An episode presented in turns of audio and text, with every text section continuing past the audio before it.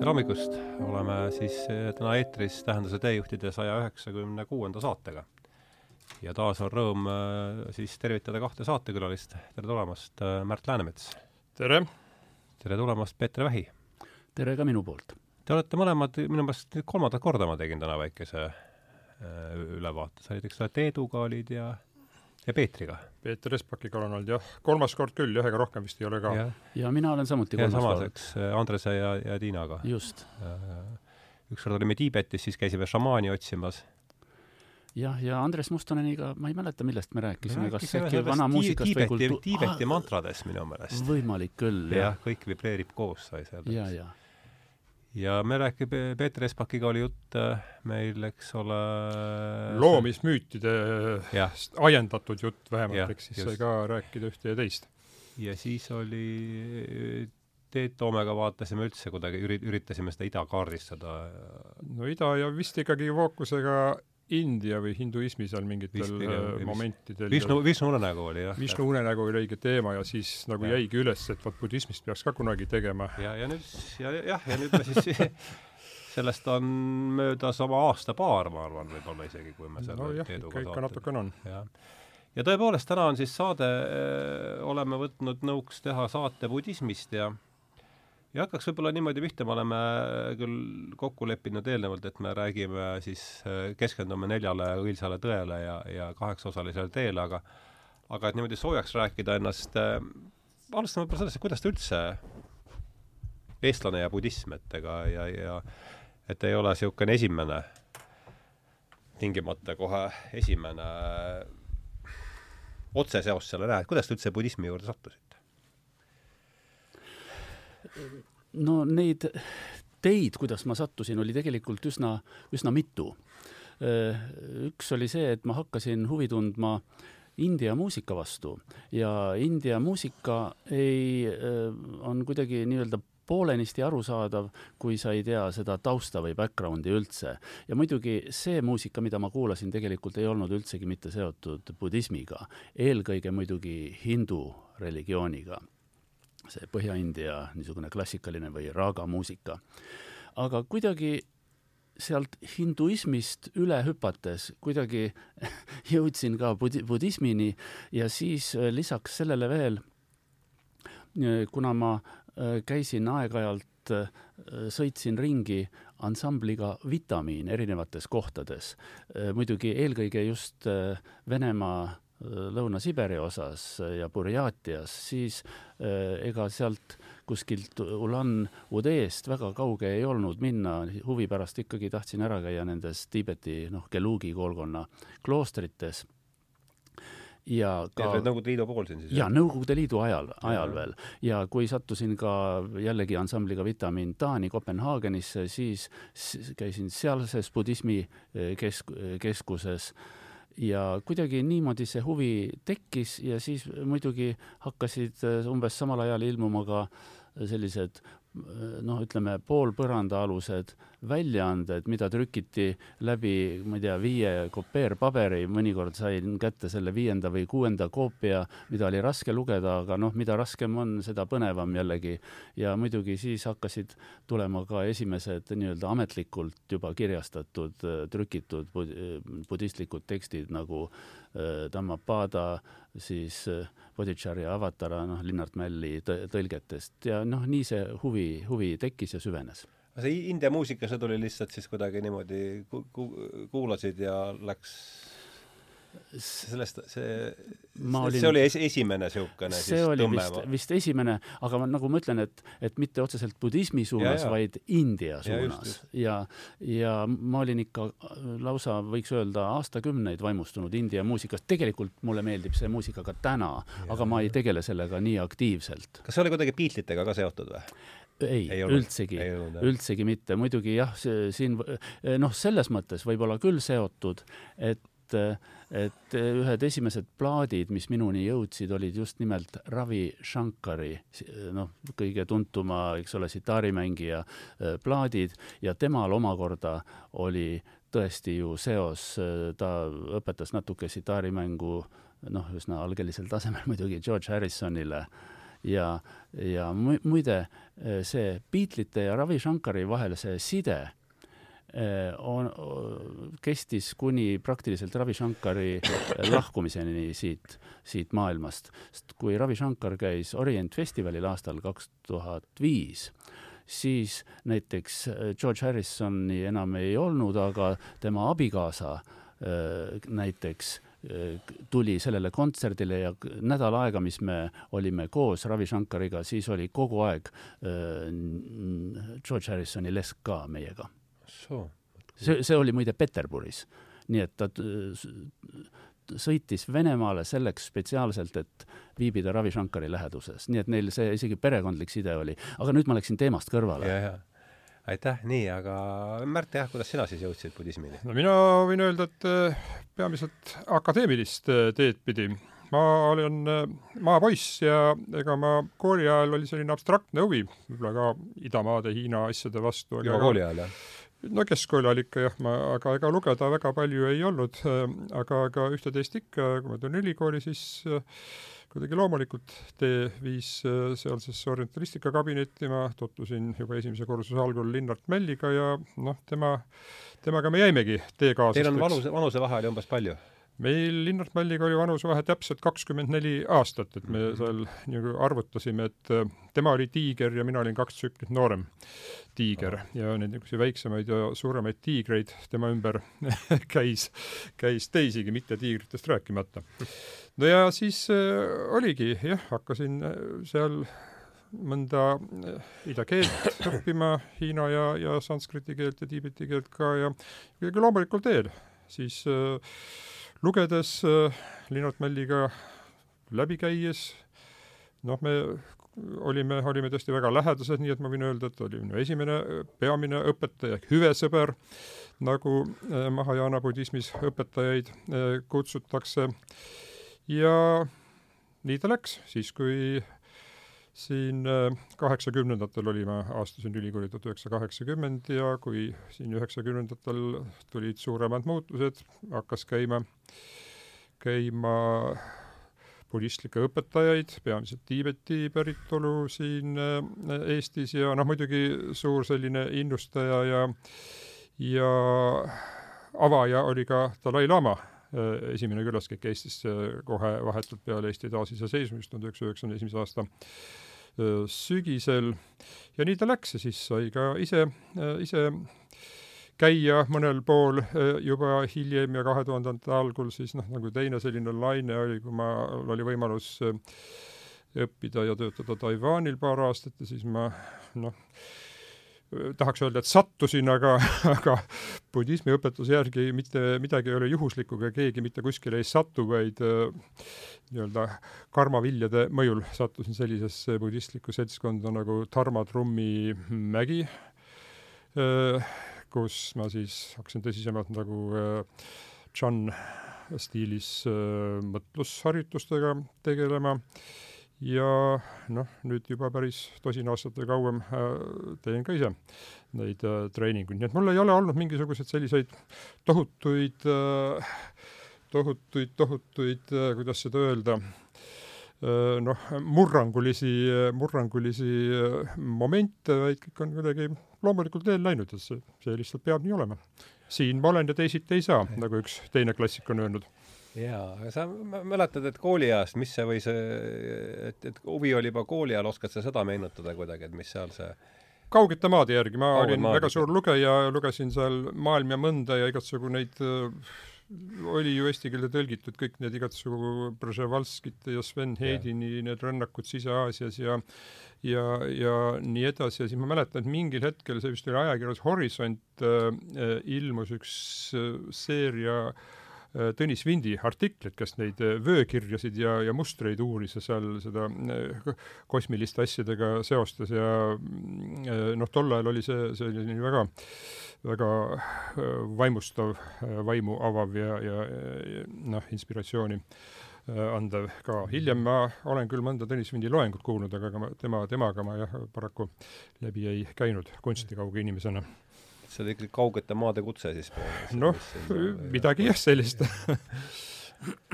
no hästi, enne kui me selle põhiteemani jõuame, et ega noh, budism algab, algab Budast, et ega me temast ka mööda, mööda äh, ei saa ja ei, ei, ei peakski minema, et mis siis, mis me siis temast õigupoolest äh, teame?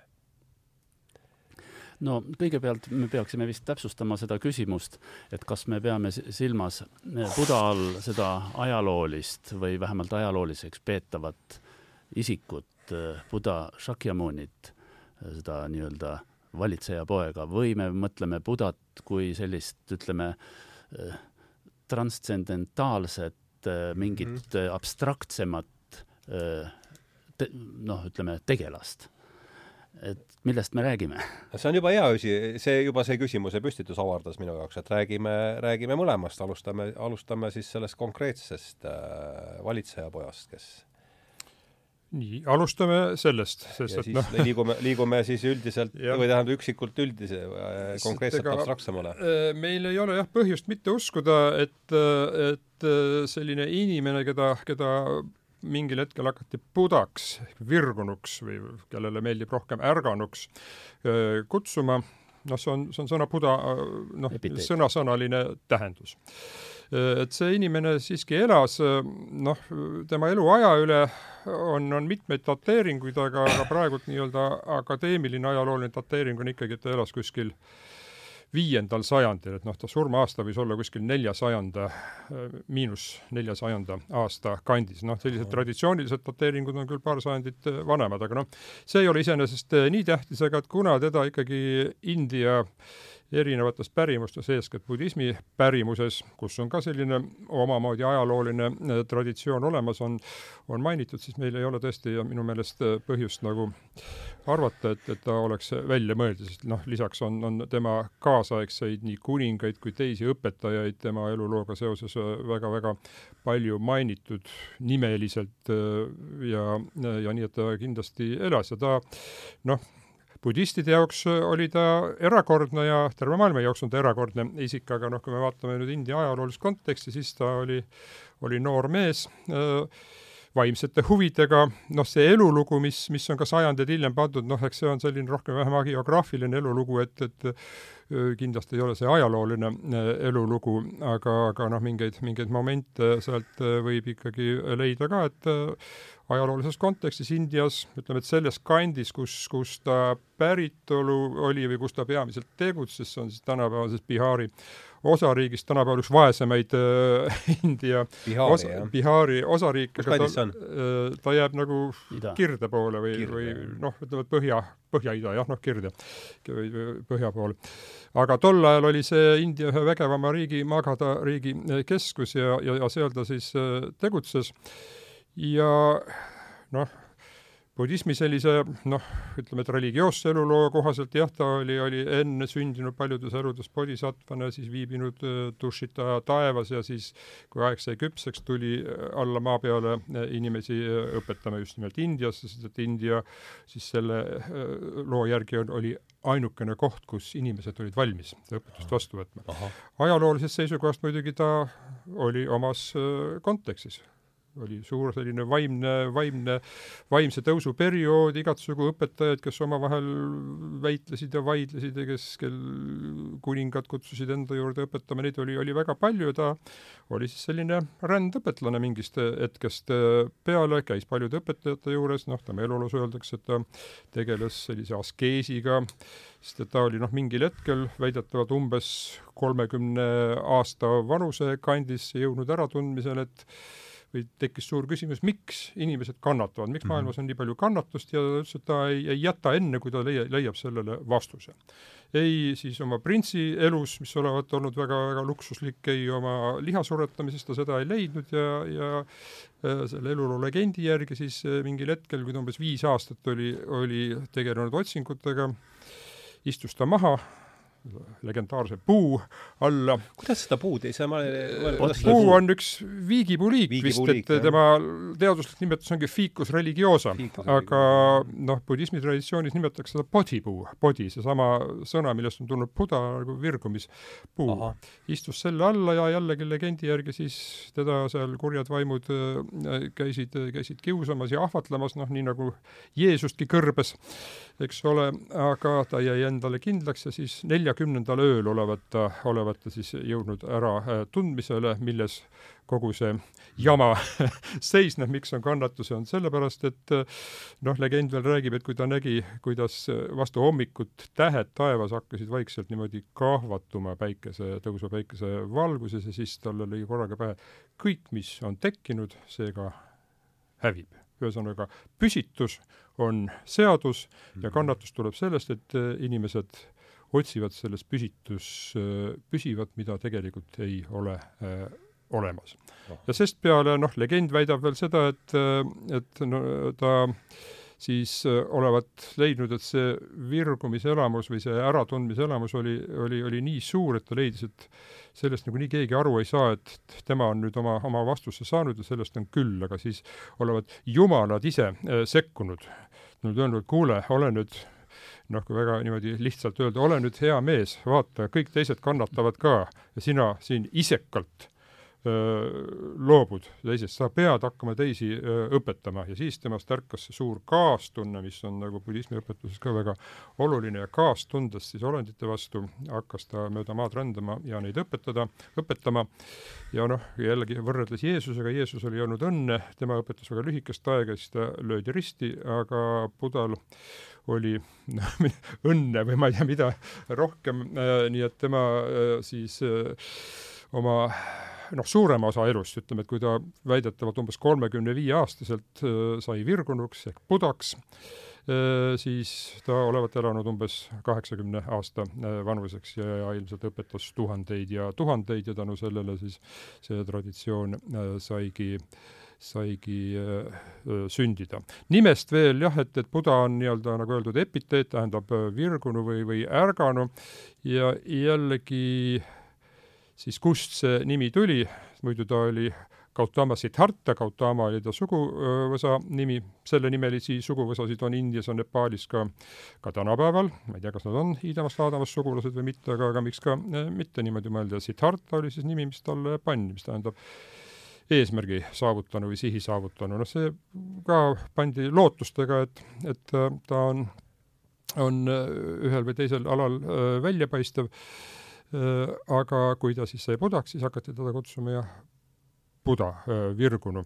ja on selline lugu ka, et mitte teised ei pannud talle seda nime, vaid, äh, vaid ta ise nimetas ennast, et kui ta pärast seda virgumist ja kui ta otsustas, et hakkab õpetama, siis ta kohtas inimesi ja nad küsisid, nägid, et see on väga teistmoodi kui teised inimesed, et küsisid, kes sa oled, oled sa inimene või jumal või vaim või keegi, siis ta ütles, ma olen Buda. Mm.. et ma olen virgunud enda jaoks oli see ka väga oluline. nii et noh, selline on, on väga, väga lühidalt siis see, see Buda äh, lugu ja noh, kõik see ülejäänud üle neljakümne aasta, mis ta, mis ta õpetas ja noh, see, seal on loomulikult ka kõik mida ta õpetas, on noh, kas kõik, aga on, on, on üles kirjutatud ja enamasti on see ka väga selline noh, kuidas öelda, situatiivne, alati on märgitud, kus ta viibis, kes temaga koos olid äh,, nii et selle järgi võib tõesti nagu kaardistada, nii et ta rändas üsna laialt linn, ringi, peamiselt ikka seal Bihari äh, kandis ja, ja Põhja-Indias äh, Äh, aga, aga noh, see, see budaks jõudmise lugu on nagu, nagu oluline ka iga budisti jaoks, et võiks olla nagu eeskujuks, eks ole mm. -hmm. no budismi noh, vähemalt osa koolkondi väidab noh, nagu Peeter juba ütles ka, et, et teine tähendus on see noh, kas see nüüd abstraktne on, aga, aga võib-olla selline kogemuslik tähendus, et meis igaühes on nii nagu äh, sõduril on äh, Marshalli kepp õues, meil on endal see buda, võimekus budaks saada on kõigil äh, olemas mm -hmm. meeles, nii et selles mõttes see buda ja tema lugu on ka eeskujuks absoluutselt kõikidele mm -hmm. budistidele aga Peeter, tahad sa sellele loole midagi lisada või lähme siis kohe selle, selle sisemise tra-, transcendentse Buda külje poole, küljega edasi? no sellele Buda eluloole võib ju mida iganes, kui palju veel lisada, sest neid legende, mis on, mis on Budaga seotud ja tema õp, õp, õpetuse edasiandmisega ja noh, esimesest jutlusest me pole veel rääkinud, see tuleb noh, seoses nelja tõega ilmselt eraldi te teemaks meil ja, ja on legende tema lahkumisest ehk Mahabari nirvanast ehk lahkumisest siit maailmast on, on, on palju le legende, aga eh, noh, ega meie saate maht ei ole ka lõputu, selles mõttes võib-olla tõesti on mõtet rääkida ka sellest, sellest, sellest teistsugusest buda, buda mõistest. ja kui nüüd see, millest Märt rääkis see on niisugune ütleme suhteliselt konkreetne noh, ilmselt meieni nii-öelda budismi vanima koolkonna Theravada koolkonna kaudu jõu-, jõud-, meieni jõudnud see tema elulugu. Ja noh, seda võib ka ju tõlgendada nii ja teisiti, aga see on üks suhteliselt konkreetne, nii nagu me loeme kelle iganes elu, elulugu, kas Tammsaare elulugu või Mozarti elulugu või Jeesuse Kristuse elulugu, aga nüüd see teine pool, see on tegelikult palju keerulisem. ja, ja veelgi eh, rohkem tõlgendusvõim-, võimalusi on sellel olenevalt koolkonnast, eh, budismi koolkonnast. ja tegelikult nii nagu paljude muudegi asjadega on maailmas, on võimalik rääkida lihtsatest asjadest väga keeruliselt ja keerulistest asjadest väga lihtsalt. ja äh, tavaliselt niisugused väiksemad inimesed, ka väiksemad õpetajad ja no võiks öelda rumalamad inimesed, äh, selleks, et võib-olla demonstreerida oma tarkust, nad enamasti püüavad rääkida lihtsast asjast keeruliselt, pikkides sinna sisse väga palju võõrsõnu, aga suured õpetajad noh, eelkõige muide eh, noh, Buda ise, kindlasti ka tema pühadus eh, Dalai-laama ja, ja muide, sa saatsid mulle täna hommikul just ühe, ühe klipi Houston Smithi eh, ühe lühikese fra fragmendi, ka tema kuulub nende inimeste hulka, kes räägib suurtest, tähtsatest, keerulistest asjadest lihtsalt. ülimalt lihtsalt.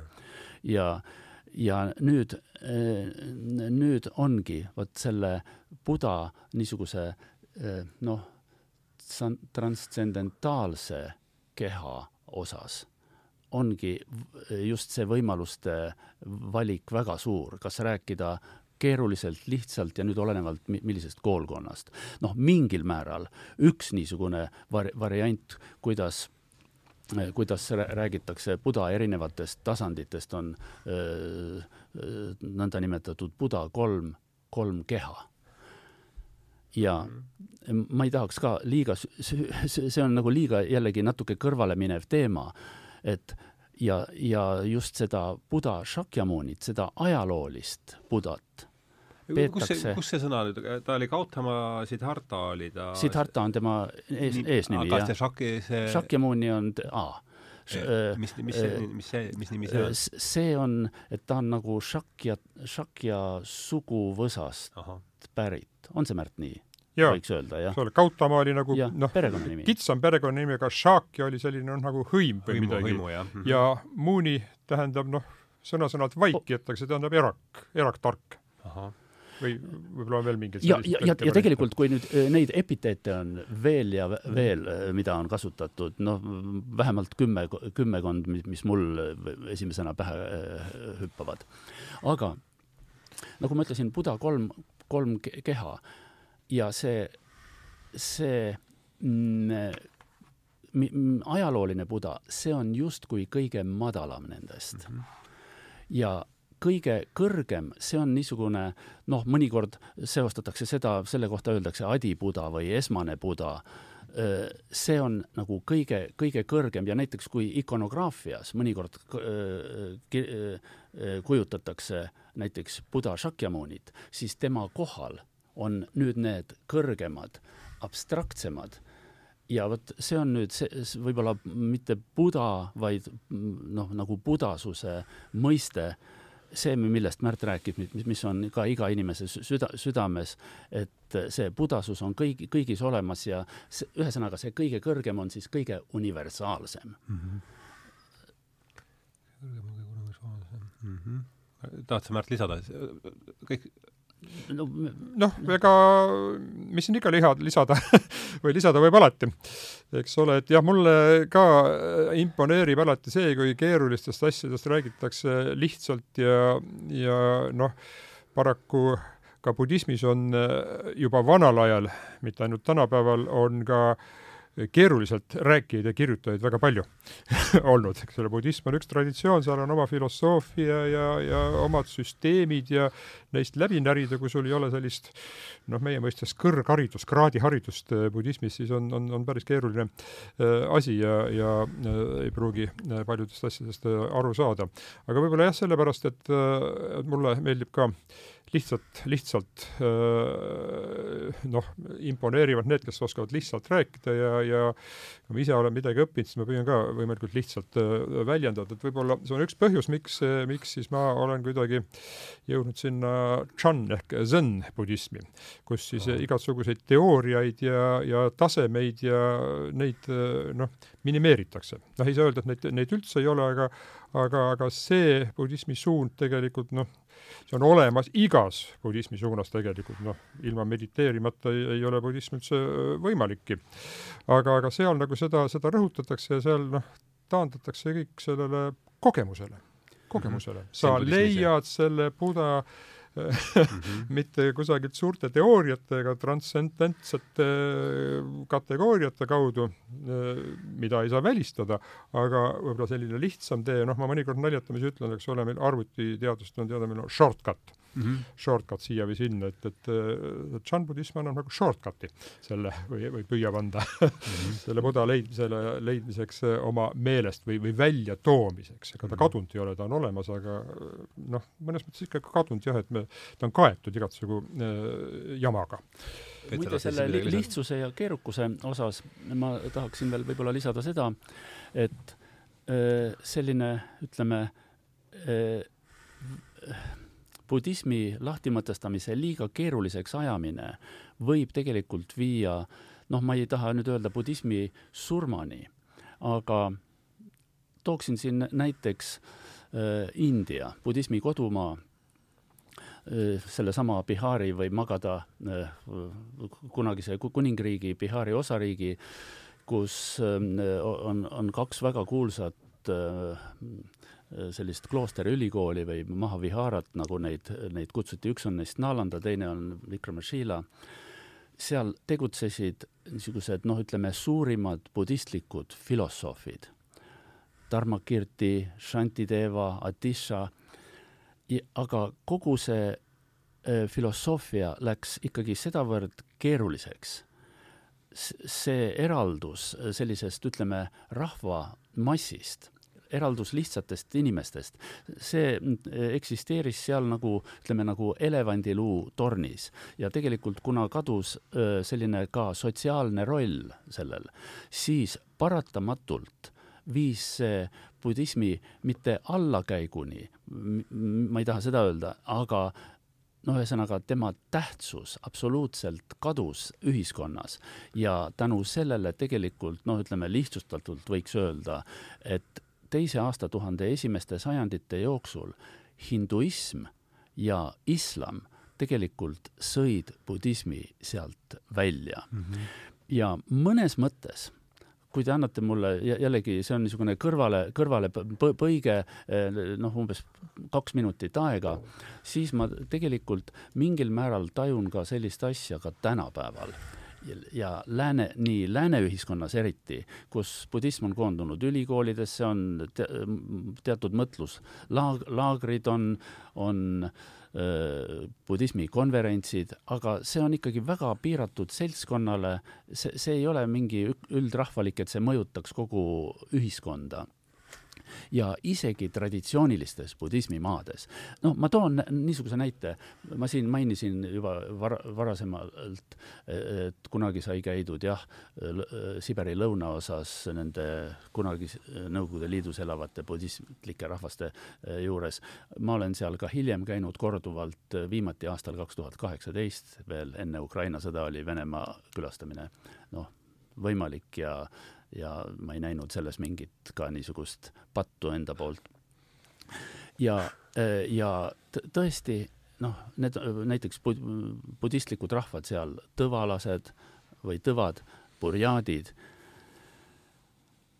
nad mm, väga tõsiselt suhtuvad buda õpetusse noh, võiks isegi öelda mõnes mõttes nagu noh, ma jutumärkides ütleksin, et kollektsioneerivad lungevange, igasuguseid äh, neid väeülekandeid ja, ja, ja tegelevad väga kõrgete tantristlike praktikatega ja samas nende budistiks olemine, ma seda ei, ma ei ütle kõikide kohta, aga paljude kohta, lõpeb sel hetkel, kui nad väljuvad budistlikust templist. ja kui nüüd Putin ja Kreml saadavad nad Ukrainasse sõdima, siis noh, mul endal sellekohane kogemus puudub, aga väidetavalt just tõvad ja burjaadid pidid olema kõige brutaalsemad, kõige vägivaldsemad sõdurid, kes tapavad lapsi, vägistavad naisi mm. ja nüüd, nüüd tekibki see, see küsimus, et budistlik õpetus on ju suuresti eetiline õpetus ja äh, sellest nii-öelda kuulsast viiest äh, reeglist, panchashilast, number üks on absoluutselt vägivallatuse ehk ahimsa printsiip, ära tapa mm -hmm. ja kus kurat nüüd on see budistlik õpetus jär, järsku. Ja mulle tundubki, et need asjad on kuidagi lahus, et tegelikult nagu ma ütlesin, et budism on kapseldunud, et jah, ülikoolis võib-olla räägitakse äh, ühte asja, aga see ei, ei laiene nagu ellu. Ma, vabandust, ma läksin natuke teemast kõrvale nüüd. Mm. -hmm, ei, see... Märt, vaidle vastu mulle ei, ma vastu ei ole siin midagi vaielda, aga noh, ma jällegi pigem täiendaksin, et ega see ei ole midagi uut. ja selles on väga suur vastuolu, ma arvan ka mitte ainult budismis, vaid äh, igasuguses sellises religioosses õpetuses, nagu me võtame jälle kristlust, mida me arvame paremat, äh, paremini tundvat, siis täpselt samuti. Jeesus õpetas ju vägivallatust ja noh, enam-vähem sisuliselt sarnaseid asju nagu, nagu Buda, aga kui see õpetus või religioon, kui õpetus muutus religiooniks ja, ja institutsionaliseerus, noh, ja mis kõige hullem minu meelest, mida võib ka vaadata nii kristluse, kristlike maade kui budismi ajaloos, kui ta seostus poliitikaga mm, -hmm. siis äh, jah, need äh,, need äh, üllad põhimõtted äh, või nendega võidi õigustada mida iganes, jah, sa mainisid äh, ristisõdasid, inkvisitsioon ja nii edasi ja nii edasi. Ja noh, kui me ka nüüd budismi võtame, ei ole need õnnetud äh, äh Tõva ja, ja Burjadi noormehed, kes saadetakse sõtta esimesed, me teame Teise maailmasõja ajast, jaapanlased, milliseid hirmutegusid tegid ja Hiinas äh, väidetavalt samuti, kuna sõdureid oli vaja, siis äh, kõik kloostrid tehti tühjaks ja noored mungad saadeti sõjaväkke. ja noh, lähemast minevikust seitsmekümnendate aastate Kambodža, punaste khmeeride aeg jällegi sada protsenti budistlik maa, kus igaüks peaks olema emapiimaga sisse imenud neid tõdesid, aga ometi siis ja eriti Theravada mis on just eriti eetikale ja, nagu nimelt, orienteeritud. aga kilpkonn mis see niisugune Theravada või? Theravada ja, ja, Kagu-Aasias, Kambodžas ka ja, ja näete, näete, mis juhtus, nii et see on selline igavene äh, vastuolu, aga mm, noh, kes on süüdi mitte keegi ei ole süüdi. sest budismi õpetus on tõepoolest, tähendab selle nii-öelda vedajaks on olnud alati eliit, haritud eliit. Budismis rõhutatakse alati seda, et tegelikult äh, noh, sa hakkad seda virgumist, kogemust mõistma kõigepealt ja tundma siis, kui sul endal midagi, midagi äh, muutub Buda ise ütles, et väga vähe on sellest, või ta isegi hoiatas, et järgida mingit rituaali või traditsiooni, et see võib pigem sind äh, eemale tõmmata. ja noh, see, et siis budistlikes maades, kaasa arvatud tänapäevases läänes jah, see nii-öelda eliidi ja ja noh, ütleme lihtrahva selline vaheline seos, noh, ei ole alati, alati võib-olla väga tugev või budism ei mõjuta rahvamassi või ühiskonda äh, tervikuna. Nii palju, kui ta võiks seda teha, noh see ongi selles, et ilmselt see budistlik haridus nii-öelda lihtsamale inimeseni oma täiuses ei, ei jõua, ta piirdub ka ainult võib-olla mingite, mingite noh, asjade järgimiseni ja järgib ka neid äh, viit, äh, viit reeglit, millest esimene on ära tapa, ära ole, ole vägivaldne, nii kaua, kui ta satub olukorda, kus ta seda ei saa enam järgida. miks sõjamehed tapavad sõdurid, no üks asi on hirm loomulikult, hirm oma ja. ülemuste ees. Oma ülemuste ees ja nii edasi ja nii edasi, nii et see vastuolu on, on igavene, aga, aga noh, selle lahendus ainult ongi see, kui, kui õpetus äh, levib ja üha rohkem inimesi hakkab niimoodi mõtlema. ma ei mäleta, kes, aga kusagilt ma olen lugenud, et keegi on, noh, vist üldse mitte budist, on, on, on öelnud, et kui ühiskonnas kümme protsenti inimesi, noh, nii-öelda hakkab teistmoodi mõtlema või ühtemoodi, et see on juba piisav mõju selleks, et ühiskond hakkab äh, muutuma. noh, meil vist viimase äh, paar aasta taguse äh, selle rahvaloenduse järgi budist, ennast budistiks märkinud äh, inimeste hulk oli ma just rääkisin oma nende teoloogidest kolleegidega, kas tuhat kaheksasada millegiga. siin Eestis? Eestis, jah. mis on jälle kolmandiku võrra suurem, kui ta kaks tuhat üksteist oli tuhat kakssada vist midagi või niimoodi. ja veel varem oli, oli noh, nii et umbes sellise kolmandiku jagu, jagu kogu aeg tõuseb, nii et neid inimesi on ja tegelikult noh, kui me vaatame ka Eestist, eks ole, see on marginaalne hulk, aga, aga neid budistlikke selliseid ühinguid, kogudusi, kogukondi, kes erinevate traditsioonide järgi toimetavad, neid on ikka päris palju ja ma arvan, et neid inimesi, kes nende kaudu kokku puutuvad, on kaugelt rohkem kui see paari äh, tuhande äh, ümber ja noh, ma arvan, et neis, neis sellistes kogukondades just see haridus ja, ja noh, traditsioon või nimetame praktika, haridus on ka praktika loomulikult, haridust või, või teadmisel ja praktikal vahet teha on, on kõige suurem rumalus, mis budismi kontekstis vähemalt saab mm, -hmm. saab olla, need seal saavad kokku ja noh, ma olen po-, positiivselt meelestatud, ma olen optimist selles osas, et budismi mõju ka meie maal ja, ja miks mitte ka äh, võib-olla uue ringiga neis äh, traditsiooniliselt budistlikes maades ikka, ikka tugevneb ja vahest muudab see maailma ka, enne kui äh, teemonid inimeste maailma ära hävitavad. Äh, mõtlesin veel, et enne kui me läheme selle põhiteema juurde, mis me kokku leppisime selles sissejuhatavases veel, et räägiks ka hinduismi ja budismi. ta on ju kasvanud hinduismist, äh, budism on ju ka, hinduism on igatahes vanem kui budism ja mis minul tekkisid siin kõrvalt vaadates kohe noh, esimesed paralleelid ikka üritada oma sellisesse kultuuriruumi selle tuua, et seal oli mingil määral nagu reformatsioon, midagi reformatsioonilaadset äh, hinduismis või, või et kes tahab siin teha otsa lahti? no Märt näitab näpuga minu, minu, minu poole eh, noh, kas hinduism ja budism, palun? Eh, kas hinduism on vanem kui budism, noh, kui nüüd eh, pidada selliseid, ütleme, tänapäeva hinduismi eelset noh, nii brahmanismi kui ka Veda religioone mm -hmm. nagu üheks kompleksi, siis muidugi see on märksa vanem, sest see Vedad, brahmanism ja hinduism oleks siis selline kuidagi niisugune ajalooline järgnevus või?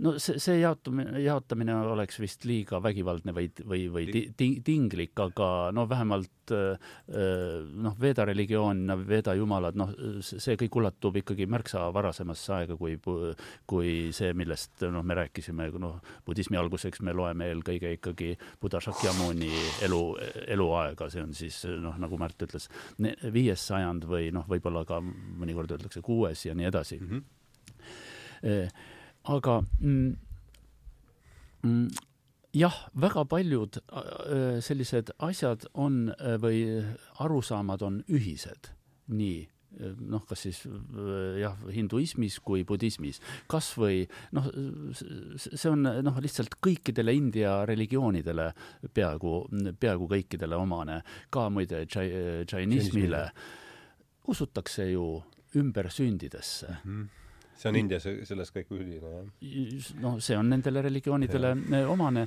ja, ja vastavalt eh, eh, sellele siis noh, on, tekivad ka need tõekspidamised, et kui ja käitumisjuhised, et kuidas sa pead elama sest noh, ütleme niisuguses kas ateistlikus maailmas on ju selge, elasid, kas sa elasid hästi või halvasti, surid ära, sellega on kõik lõppenud. aga India religioonidel on see selline mõiste nagu karma ehk tegu mm. -hmm sellest sõltub ju sinu järgmine ümbersünd, kellena, kelleks sa sünnid, kas äh, üldse inimeseks või jumalaks või, või, või halba perekonda või heasse perekonda ja nii, ja nii edasi ja nii edasi. et, et äh, need äh, sageli mõned asjad väga palju sisuliselt ei erinegi, on lihtsalt terminoloogilised vahed hinduismis. noh, näiteks mingi vabanemine või noh, et hindud ütlevad moksha selle, selle, selle kohta, budismis kasutatakse teistsuguseid ter-, termineid, muidugi ei, ma, ma ei, noh, ei saa öelda, et, et nüüd nirvana ja moksha on noh, sinna ei saa võrdusmärki vahele tõmmata, aga väga palju on, on ühiseid, ühiseid äh, nii-öelda elemente. Ja isegi ikonograafias äh, ka noh, mis on nüüd, nüüd võib-olla ei ole üldse olemuslik, noh, aga me, me vaatame äh, näiteks mõningaid budistlikke jumal, jumalusi või vaatame hindu jumalaid ja mõni, mõnikord isegi noh, nad, sat-, ka hindu jumalad on näiteks, võivad olla budistlikus kloostris mm. -hmm. kuigi neil ei ole sellist, sellist äh, rolli. Nad on nagu ühed väik-, väikesed tegelased paljude hulgas. aga noh, ütleme, seda sarnast elementi on isegi rohkem kui, kui võib-olla, kui erinevat. aga kui me nüüd keskendume täna budismile, siis muidugi me just tahame ju välja tuua neid, neid erinevusi, mitte ei otsi sarnaseid jooni. Ma paneksin või lisaksin veel juurde siia natukene äh, paar äh, mõtet, et jah, me alustasime seda juttu, et noh, budism, et ta on hinduismiga kõrvuti või, või kas ta on noorem või vanem, eks ole, ja, ja Peeter ilusti äh, rääkis selle ära, et jah, tegelikult me noh, neid raamistada nüüd, eks ole, mis ajast mis ajani oli veda, veda, vedaism, vedatusk ja mis ajast brahmanism ja, ja mis ajast hinduism, see on, on noh, ajaloolased seda teevad, et mingit äh, nii-öelda kaarti öö, äh, moodustada, aga, aga tegelikult noh, see on olnud üks selline, mina nimetaks seda India kultuuri öö, äh, noh, protsessiks või kuluks.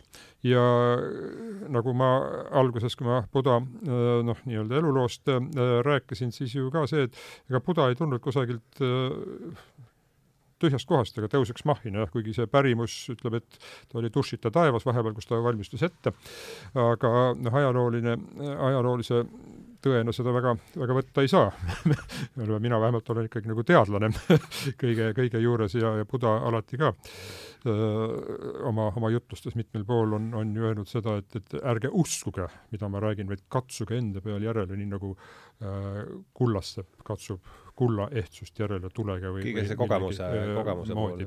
jah, aga, aga, aga nii, et, et jah, Buda tuli ka sellest India traditsioonist ja noh, siis kujunes selline üksaru tal oli ju ka kaks õpetajat muide sellest India traditsioonist. no jah, kaks vähemalt, tõenäoliselt rohkem mm. -hmm. aga nüüd siis enne oli juttu ka korraks riivamisi, et Indias budism hakkas noh, nii-öelda hääbuma või, või alla käima, ta ühelt poolt siis jäi sinna kloostriseinte vahele kui eliidi õpetuseks ja kaotas sideme rahvaga, aga noh, päris nii see ei ole ka, eks ole, kui me nüüd räägime äh, hinduismi ja budismi sarnasusest, siis tegelikult äh, väga palju budism mõjutas seda India rahvalikku religiooni ja noh, isegi on seisukohti, et hinduism, eks ole, hinduism sõna, see tuli alles suhteliselt uh, uuel ajal, on just nimelt selle India rahvapärase traditsiooni ja budismi selline miks küllaltki palju, nii et uh, mõju on olnud ikka vastupidine ka. et kõik mm -hmm. need, ütleme just see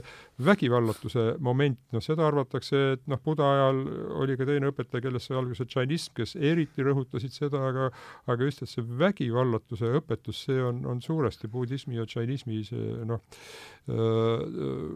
mõju hinduismile ja eks neid ole, ole teisi, teisi asju ka. nii et, et jah, see suhe ei ole kindlasti ühepoolne, vaid, vaid ikkagi mõlemapoolne muide, kui ma siin mainisin, et budistlikus templis võivad olla ka hindu jumalate kujutised, siis tegelikult kas ma, Märt, mäletan õigesti, et näiteks üks Vishnu avataradest, et, et isegi Budat on peetud mm -hmm. jumal Vishnu kehastuseks ja, või maa pea, maa peale. näitab ka, kuidas need on nagu integreerunud. jah, jah, et see on hea näide sellest. räägitakse kaheksast tähtsast kehastusest ja Buda oli siis üks neist, nii et hindud ei võitle budismiga, vaid nad on nii-öelda hõlmanud mm -hmm. selle oma sellisesse religioosse mõtlemise süsteemi, kõik on aga, korras. aga nii nagu budismis neid hindu jumalaid näidat-, näidatakse siiski noh, ütleme noh, mitte väga kõrgete olenditena, nii tegelikult ka nüüd see Buda, kui ta on paigutatud višnuismi konteksti, siis Buda on ka noh, üks üks mhm. paljudest, mitte mingisugune suur mhm. ja tähtis, vaid mhm jah. jah, ja see jumalatest veel, et jah, nagu sa ütlesid, äh, et äh, budismis on, ega budism ei, ei välista või ei lükka ümber hindu äh, jumalaid, nagu ristiusk lükkas ümber kõik teised mm -hmm. jumalad, vaid ta aktsepteerib nii-öelda budistlikust noh, mütoloogilises mõtlemises, sellises müto... budism ei ole monoteistlik? müto ajaloos, noh, see monoteist, selle jätame hoopis yeah. kõrvale praegusest sellest äh, arutelust või, või polüteist. Pole see kategooria üldse? ei ole, minu meelest küll mitte. et äh, budism tunnistab erinevaid olendeid erinevate võimetega. on inimesed ja on loomad ja, ja on jumalad ka, eks ole, meie jaoks on mhm. jumalad välja mõeldud olendid, aga tollaste indialaste jaoks olid need täiesti realistlikud olendid. aga mida budism siis, miks jah, kui Peeter ütles, et need hindu jumalad budistlikus templis või kusagil on, on paigutatud võib-olla madalamale tasandile, budismi arusaama järgi inimene on selles mõttes meile teadaolevas universumi piirkonnas ainukene olendite liik, kes on võimeline vabanema kannatusest, jõudma nirvaanasse. jumalad ei ole jumalatel on küll hästi palju Luksust. teisi uhkeid äh, ja toredaid see on budistlik seisukoht? see on budistlik mhm. seisukoht mm. -hmm. on, äh, on, on väga palju eeliseid, neil on äh, tohutu pikk eluiga, kuigi mitte surematud. ükski jumal ei ole surematu, sest mitte ükski maailm ei ole lõplik. kõik, mis on loodud, kõik, mis on tekkinud, see ka hävib või hääbub. Nagu vastupidi, sa tahtsid öelda, et ei ole lõpmatu, ütlesid lõplik. ei ole, ei ole lõpmatu, jah ja. tahtsin öelda, aga, aga ka ühe maailmasüsteemi häving ei tähenda, et need on kõik läbiviimne päev, vaid sealt tuleb, kohe kujuneb midagi muud. ja jumalad on siis seal ka toimetavad, nad võivad inimesi aidata, nad võivad inimeste ellu sekkuda, noh, tihti Buda õpetuste kirjeldustes on ka, eks ole, kui räägitakse, kes tema jutlusi kuulama tulid, eriti siis Mahajana tekstides on ka, olid muungad ja olid bodhisattvad ja erinevaid mütoloogilisi olendeid ja jumalaid ka, isegi hindude ülemjumal äh, Indra on tihtipeale märgitud ja käis Buda jutlusi kuulamas, ühesõnaga jumalad on Budast igal juhul madalamad, sest Buda, Budaks oli võimalik saada ainult inimesel ja äh, Äh, ka see pudasus või see virgumine saab olla ainult läbi äh, inimeseks äh, olemise mm. -hmm. jumalad peavad tagasi sündima inimeseks mm. -hmm. muidu ei saa. okei okay aga enne, kui nüüd läheme selle nelja õilsa tõe juurde, et need mõisted on siis ka käinud läbi Mahajana, Theravada, olen kuulnud ka Hinjanast, et Äh, ja zen-budismist, et kas me siin järsku võib-olla ka kaart teeksime, annaksime kuulajatele ka kiirte, kiire sellise kaardi, et kuidas need nüüd omavahel noh, noh, võib anda jah, eks ole, budismi õpetus või noh, nimetame siis religiooniks, täpselt nii nagu kõik teised religioonid, ristiusk kaasa arvatud, jaguneb väga paljudeks suundadeks, sektideks, koolkondadeks, kuidas neid nimetatakse, noh, see on selline traditsiooniline, ütleme, et kui Euroopa ülikoolides hakati budismi uurima, noh siis kujunes selline kolmikjaotus, kuigi noh, budismis endas on ka Mahajana, Hinajana ja Vajrayana, Vajrayana mm. -hmm. noh, siis selline traditsiooniline äh, ongi see, et Hinajana on võib-olla kõige vanem, äh, noh, jällegi, et ajalooliselt äh, Hinajana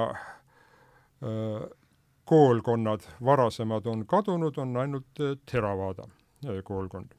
nii, Hinajana tähendab väike, väike tee või väike, väike sõiduk, eks ole, või kitsas tee. Theravada pooldajad nii vanal ajal kui tänapäeval hirmsasti vaidlevad, et Hinajana on väga vale sõna mm. -hmm. et tegelikult budism on, õpetus on neil sama, mis on tegelikult Mahajanas.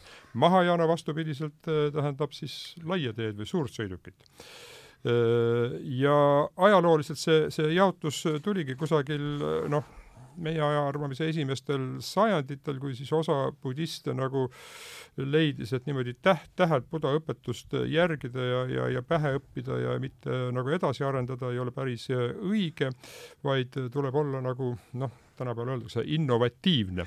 Ja hakati Buda õpetust noh, sellist natuke teises vormis, noh, ütleme, kui Mahajana kirjandust loeme, siis need on väga mahukad ja hästi tulvil igatsugu mütoloogilist äh, ainest ja ühesõnaga leiti, et selleks, et inimesi aidata virgumisele, ei aita sellest, et noh, on ainult mungakogudused ja, ja sellised äh, põlvest põlve antavad õpetused, vaid tuleb leida uusi vahendeid. sellepärast nad nimetasid oma seda lähenemist siis suur lähenemine, lai mm, -hmm. avar tee yeah ja Mahajaana pooldajad siis hakkasid neid kitsarinnalisi või konservatiive nimetama hinajaanaks, eks ole, nii et see teatud mõttes ongi selline natukene nagu halvustav või, või, või madaldav termin, nii et Theravada mehed ja naised, kui nad vaidlevad selle vastu, siis neil on tuline õigus. Ja tänapäeval isegi ka akadeemilises kirjanduses seda hinajaanat väga ei, ei, ei kasutata enam. nii, ja kolmas see suur suund on siis Vajrayana, mis, mis ehk teemantee või teemant-välgutee või kuidas teda, kuidas teda eh, tõlgendada võib, noh, see kujunes, seostatakse ka tantra, nimetatakse tantrabudismist, tantrismiga. Eh, see kujunes siis hiljem natukene, noh, kuskil seal esimese aastatuhande teisel poolel seal sajanditel Põhja-Indias ja vot selles vormis siis budism, ta noh, mõnikord peetakse teda ka nagu, ta on ikkagi Mahajana rüppest tulnud, ta ei ole päris niimoodi jällegi teoseks Mahhina tühjast kohast. ja vot, kui see budism jõudis siis Tiibetisse, siis Tiibetisse enamasti selle, selle, selles vormis. nii et mõnikord, kui me vaatame mingeid budismi leviku kaarte, siis, siis noh, ongi, et -hmm. India, Kagu-Aasias, Sri Lanka on äh, kollase värviga Theravada ja siis äh, äh,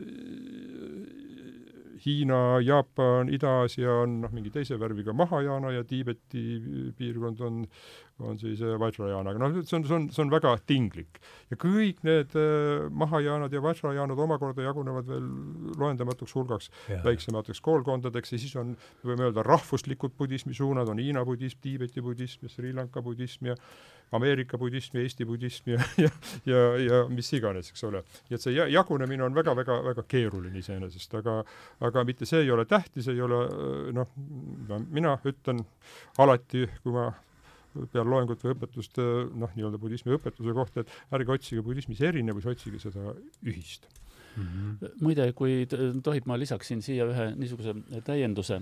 noh, et mõnikord on, on siiski ka niisugust suhtumist olnud, et, et tõesti, et Hiina ja Jana on madalam, Mahajana on justkui nagu kõrgem, edasiarenenud budism ja Vajrayana on siis kõige noh, veel niisugune mõnes mõttes kõige komplitseeritum ja eriti need kõrgemad tantrad, et Äh, aga mulle on tegelikult meeldinud meeldinud üks äh, niisugune väljaütlemine, mida ma olen kuulnud nii tema pühaduselt Dalai-laamalt kui ka tema pühaduselt äh, Trigung Kagyu äh, noh, koolkonna liidrilt Chetsan Rinpocheelt. Nad mõlemad on rääkinud sellest on võrrelnud, äh, võrrelnud neid kolme suurt nii-öelda tasandit budismis Äh, ühe maja korrustega.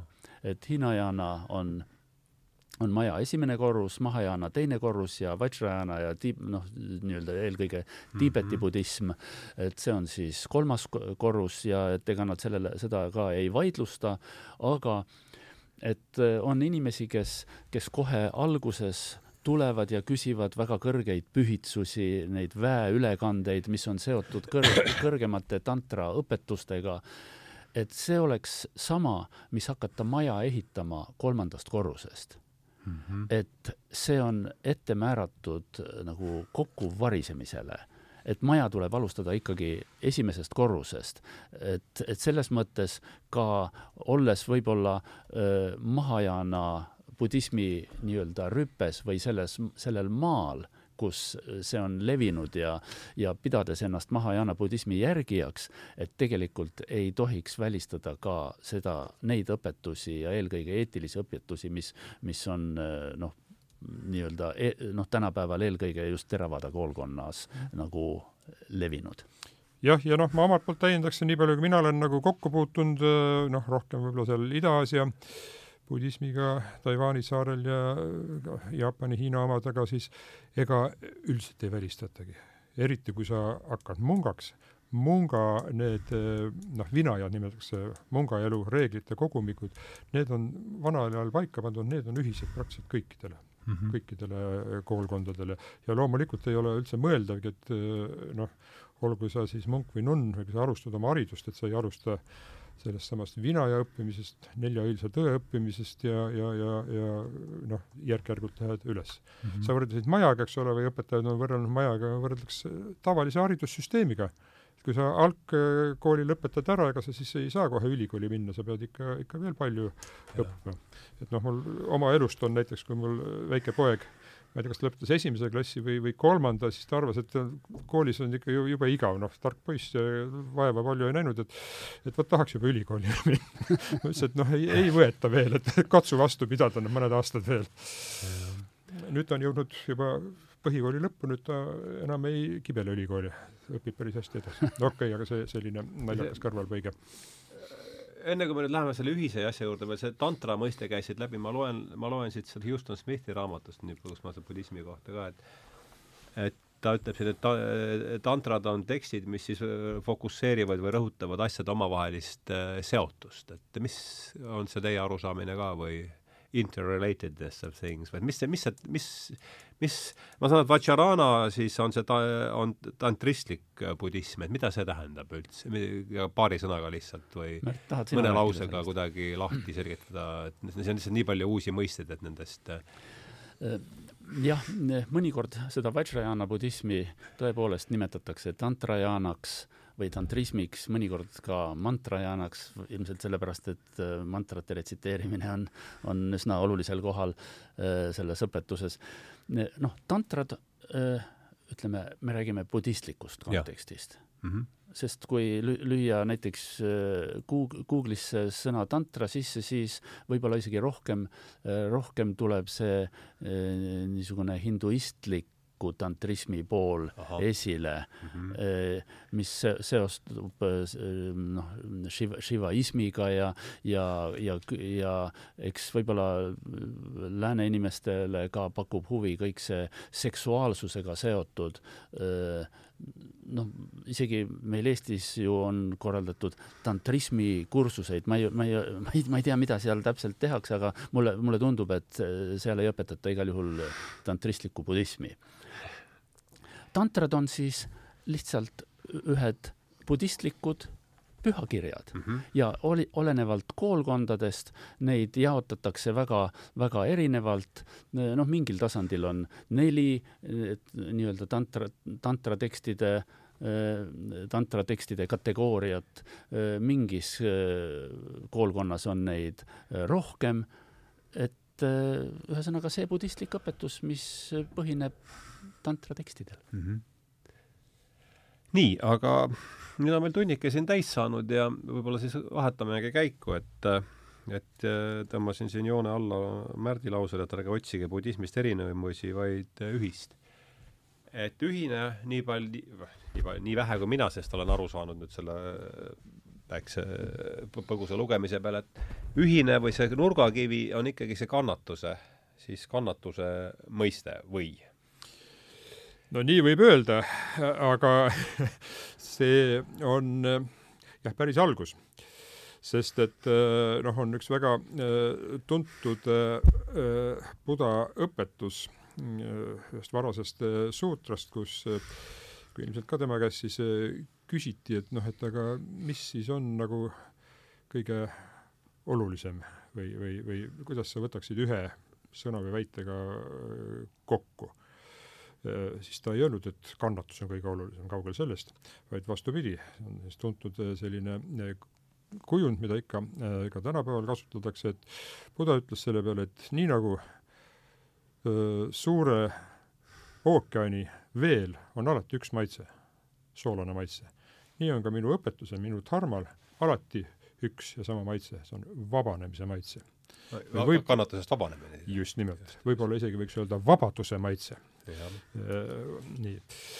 Kannatusest vabanemise maitse, jah, ja kui me nüüd jah, hakkame peale, et kõik algas, nagu sai siin Buda eluloo, eluloo lühiülevaates ka öeldud, et äratundmisest, et kannatust on meie elus liiga palju ja see teeb meie elu raskeks, et mitte öelda võimatuks. Ja Budal tekkis siis küsimus, et aga peab olema võimalus kannatusest vabanema, vabaneda. aga kõigepealt, et, et üldse sellele teele minna, peab tekkima see äratundmine, et tõepoolest ongi kannatus. noh, jällegi see sõna tõlge võib olla nii või naa. see on nüüd seesama tukka. tuhka, tuhka või tukka tukka, jah, noh, mis tema algselt tähendas, ei olegi päris täpselt teada, aga noh, üks variant, mida öeldakse, et on halb maitse. Halb maitse, kui sa võtad mingit, noh jällegi väga-väga kujundlik väga,, väga-väga mhm. kogemuslik, eks ole, mis seostub sulle sellise kannatuse, ebameeldivusega, kui sa võtad mingit väga vastikut asja suhu, vastumeelset eks ole. ja kui sa tunned elus ära selle, selle, mis sind teeb rahulolematuks, mis sind ärritab, mis, mis, mis teeb su elu mõruks või kibedaks, noh, hiina keeles näiteks ka kasutatakse seda sõna kibedus selle kannatuse aspekti mm -hmm. edasi andmiseks, et siis sa saad alles hakata tegema, umbes nii, noh, Budat võrreldakse ka arstiga, et äh, arst kõigepealt äh, paneb diagnoosi. ja sa pead ise sellega siis nagu aru saama, sa oled haige, sul on haigus selle järgi me, kõik inimesed on oma meeles natukene haiged, sellepärast et nad äh, üha taas loovad endas seisundeid, mis, mis põhjustab siis kannatust, ebamugavust, halba äh, olu. tõde kannatusest, vot see ongi, sellepärast see ongi esimene tõde, sealt algab kõik mhm. peale. seesama tu-, tukha siis või? tukha, seesama tukha. jah Siin... nii, aga see jah, et kui varasemad noh, ütleme, et esi-, budismi uurijad läänes siis ka, nad tõidki, et aga budism on üks väga pessimistlik äh, õpetus, eks ole, vaat Jeesusel oli armuõpetus, Jeesus lunastas meid kõik ette ära, aga budism räägib ainult kannatust, väga pessimistlik ja meile see ei sobi, see on palju madalam kui, kui kristlik. aga see näitab seda, et esimesest tõest kaugemale need äh, targutajad ei jõudnudki mm. -hmm. lisada midagi? no kui midagi lisada, siis nüüd neid järgmiseid tõdesid. Mis tuka, tuka ja mind aitas palju see, Houston Smith toob siin ka selle, et äh, out of joint või et liigesest, liigesest väljas, et kui saab, inimene saab, on äsja endal see kogemus olnud, et kui on ikkagi liiges käib välja korraks, siis on, see on suhteliselt kibe tunne muide, te mõlemad näete, viitate siin tervise, seosele tervisega, tervisele ja haigusele.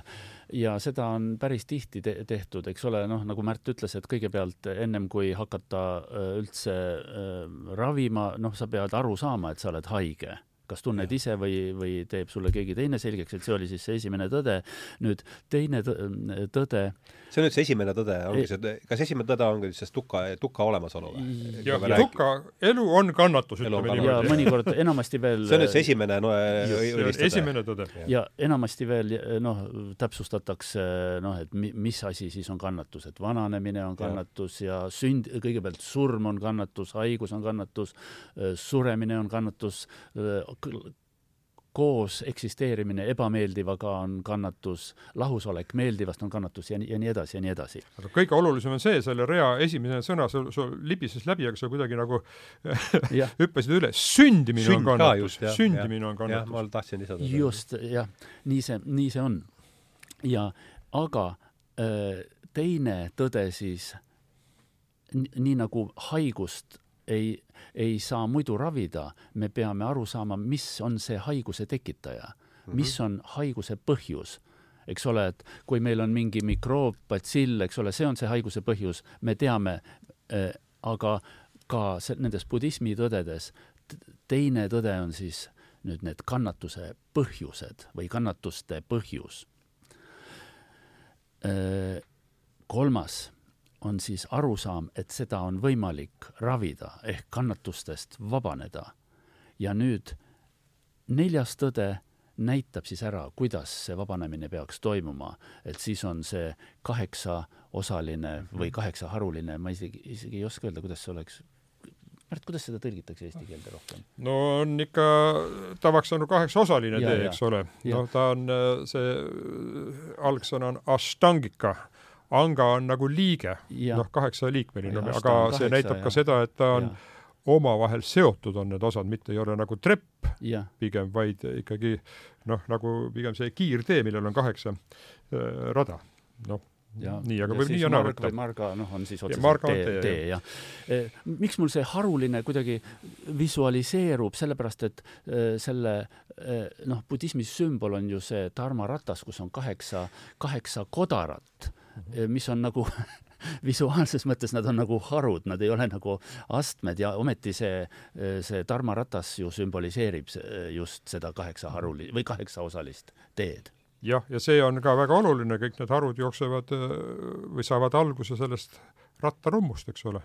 rattarummust ja see rattavelg on siis nii-öelda see väljund, mis, mis, mis veereb, see, mida me mm -hmm noh, mis sümboliseerib seda, et, et kuidas see kaheksaosaline tee siis muudkui veereb ja, ja toimib mm. -hmm. muide, e, see on jällegi väike kõrvalepõige, aga India lipu peal on ka ju mm -hmm. selle valge yeah. osa peal on ka öö, ratas. see ei ole küll kaheksaosaline, see on kahekümne nelja kodaraga, mis öö, noh, mida me saaksime ka siin tegelikult seo-, seostada, see on see sõltuvuslik tekkimine, mis on budismis, budistlikus filosoofias oluline, mis koosneb kaheteistkümnest osast ja see on selle lipu, selle ratta peal kaksteist pluss kaksteist kodarat, mis siis sümboliseerivad seda sõltuvuslikku tekkimist nii-öelda algusest kuni lõpuni ja siis lõpust kuni alguseni tagasi nagu kahes vastupidises suunas mm. -hmm. aga Äh, nüüd noh, see on võib-olla eraldi teema ja Märt kindlasti teab sellest rohkem ja räägib ka selgemalt ja li-, ka väga lihtsalt, nagu, nagu me oleme täna siin äh, võtnud eesmärgiks. aga ühe asja ma nagu mainiksin ära, millest me täna ei ole rääkinud, on see, kui Märt rääkis siin Buda e-, Shakyamuni eluloost, siis väidetavalt need äh, neli õilsat tõde õilsat, üllast, nooblit tõde, ma ei tea, kuidas jällegi aarja on, kuidas me tõlgime eesti keelde, üllas? õilis põhi, põhiliselt. õilis, jah. nii üllas võib ka olla. Eh, et need neli tõde, et eh, see oli siis Buda esimese jutluse sisuks, mida ta pidas siis Banarase või Varanasi linna lähedal Sarnatis, kui ta oli saanud virgunud, virgunud, valgustunud ja, ja see olid esimeses jutluses juba? esimeses jutlus, seda ta no. pidas Hirve pargis. meil Tallinnas ja, seostub selle mõistega natuke või Eestimaal mingi muu koht, aga seal oli, seda nimetatakse ka Hirve pargiks ja noh, küllap see nimi on kinnistunud seetõttu, et seda esimest jutlust tulid kuulama siis vii-, tema viis jüngrit, Buda viis jüngrit ja ka kaks hirve. ja, ja, ja muide, kui te eh, lähete noh, eriti Tiibeti kloostrites, aga ka, ka, ka teistes, enamasti on kloostri värava peal või templi katusel just, just ongi kaks hirve ja nende keskel on siis kujutatud tarmaratast. ja see sümboliseeribki siis Buda esimest jutlust või seda nel-, nelja, kaudselt siis ka seda nelja nelja tõde mm. -hmm. see esimene jutlus on väga noh, niimoodi laht-, hästi siis lahti kirjutatud ühes sellises suutras või pühakirjas, mida, mida nimetatakse Dharmachakra Pravartana suutra, noh, Dharmaratta veerema panemise pühakiri. ja muide, sellel on ka niisugune kujundlik, kujundlik Mm, eh, noh, välja, väljendus India, nii, mitte ainult budismis, vaid Indias üldse on, on väga olulised sellised käemärgid või muudrad, käeasendid. ka India tantsus ja, ja ka bu bu budismis ja näiteks üks käemärk on selline, mis sümboliseerib õpetust ja ka sel- ja selle üle diskuteerimist.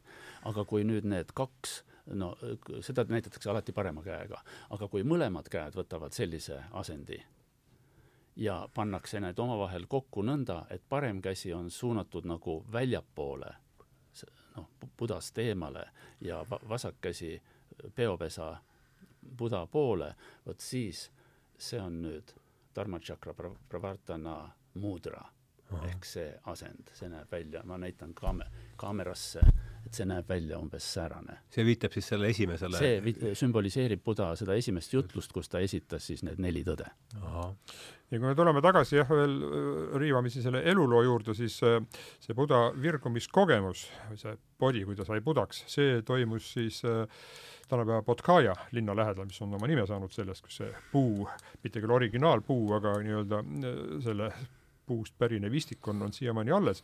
aga esimese jutluse ta pidas siis jah, nagu öeldud, Varanasis, see on kuskil paarsada või isegi rohkem kilomeetrit äh, eemal sellest, nii et järelikult ka ajalooliselt siis ta äh, mõtles selle oma, oma, oma kogemuse üle ja rändas Varanasisse, sest Varanasi oli tolleaegses Indias, vähemalt Põhja-Indias sellise õpetatuse keskpaik ja seal leidus kindlasti palju Äh, rahvast, kes oli õpetusest huvitatud ja ta, ta siis seal hakkas kuulutama ja, ja need esimesed kuulajad, noh, nagu olid, need olid tema endised kaasõpilased tegelikult veel, kes olid ta maha jätnud, kui ta loobus asketismist, leidsid mm, -hmm. et see on nõrk mees, meie temaga koos ei ole, aga, aga siis said esimesed, esimesed äh, õpilased, aga võib-olla tasuks nüüd tulla tagasi nende tõdede juurde, need sai, sai ära, ära markeeritud nii kannatus me loeme, et elu on kannatus ka,, siis on kannatuse põhjus, kolmas on see, et kannatusest on võimalik vabaneda. ja, ja neljas on, kuidas et väga oluline on, on tegelikult enne, kui ta hakkas seda nende nelja tõde rääkima, ta kuulutas seda, et mina õpetan teile keskteed mm, -hmm. keskteed, eks ole.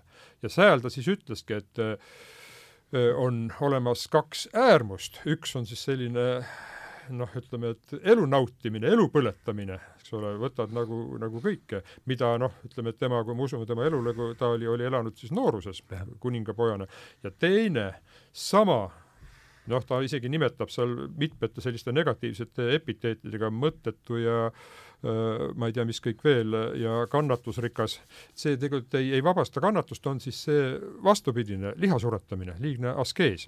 aga kesktee nii eluviisi mõttes kui ka arusaamise mõttes on, on siis see õige tee, õige tee. Ja vot siis ta hakkab seda keskteed arendama selle nelja õilsa tõe kaudu. See kannatuse tõde sai meil üsna hästi ära seletatud, aga, aga kindlasti nüüd see minu arust võtmeelement on see kannatuse põhjuse tõde. see on see tanha või? tanha. Et äh, kui ka on haigus, eks ole, me fikseerime, et sul on haigus, aga ravima saab hakata siis, kui me teeme haiguse põhjuse selgeks. Mm -hmm.. noh, tänapäeva arstid võib-olla põhjust ei teegi, nad äh, vaatavad Kirjut... sümptomi, kirjutavad rohukähku, viie minuti pärast tuleb järgmine patsi-, patsient, aga, aga äh, vanasti oli põhjuse, põhjuse leidmine. Ja jah, ja seal ta siis ütleb ka selles samas esimeses jutluses lühidalt juba kõik ära, et tanha ehk janu, see on väga, väga ilus ja, sõna. tanha on eesti keeles janu, inglise keeles on thirst ja, ja niimoodi seda mm. tõlgitakse ka. jällegi väga kujundlik, nii nagu tuhka oli vastik maitse, tanha on see, eks ole, me kõik oleme tundnud palava ilmaga või, või kui me ei ole saanud tükk aega juua, janu ja see, kui see janu süveneb, siis see, see, see piinab, tekitab kannatust.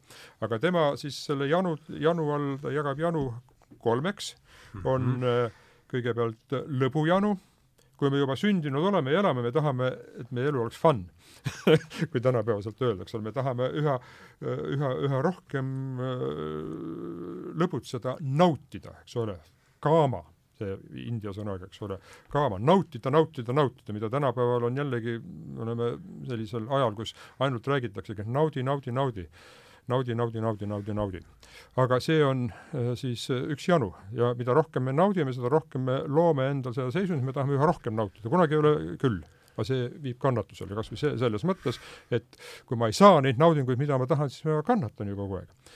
teine on siis see janu on, võib tunduda väga, väga imelik, meie võtame seda positiivselt, on janu elu järele, janu elada ehk olemas olla janu, aga see on ka, eks ole, noh, see filosoofiliselt ja kõike nende ühest elust teise ja, ja see on ka, miks äh, India kontseptsiooni järgi inimesed sünnivad ümber, neil on janu, nad tahavad, tahavad, tahavad kogu aeg ümber sündida.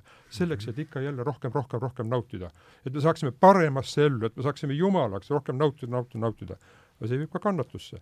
ja kolmas tanha on äh, noh, tõlgitakse surmajanu.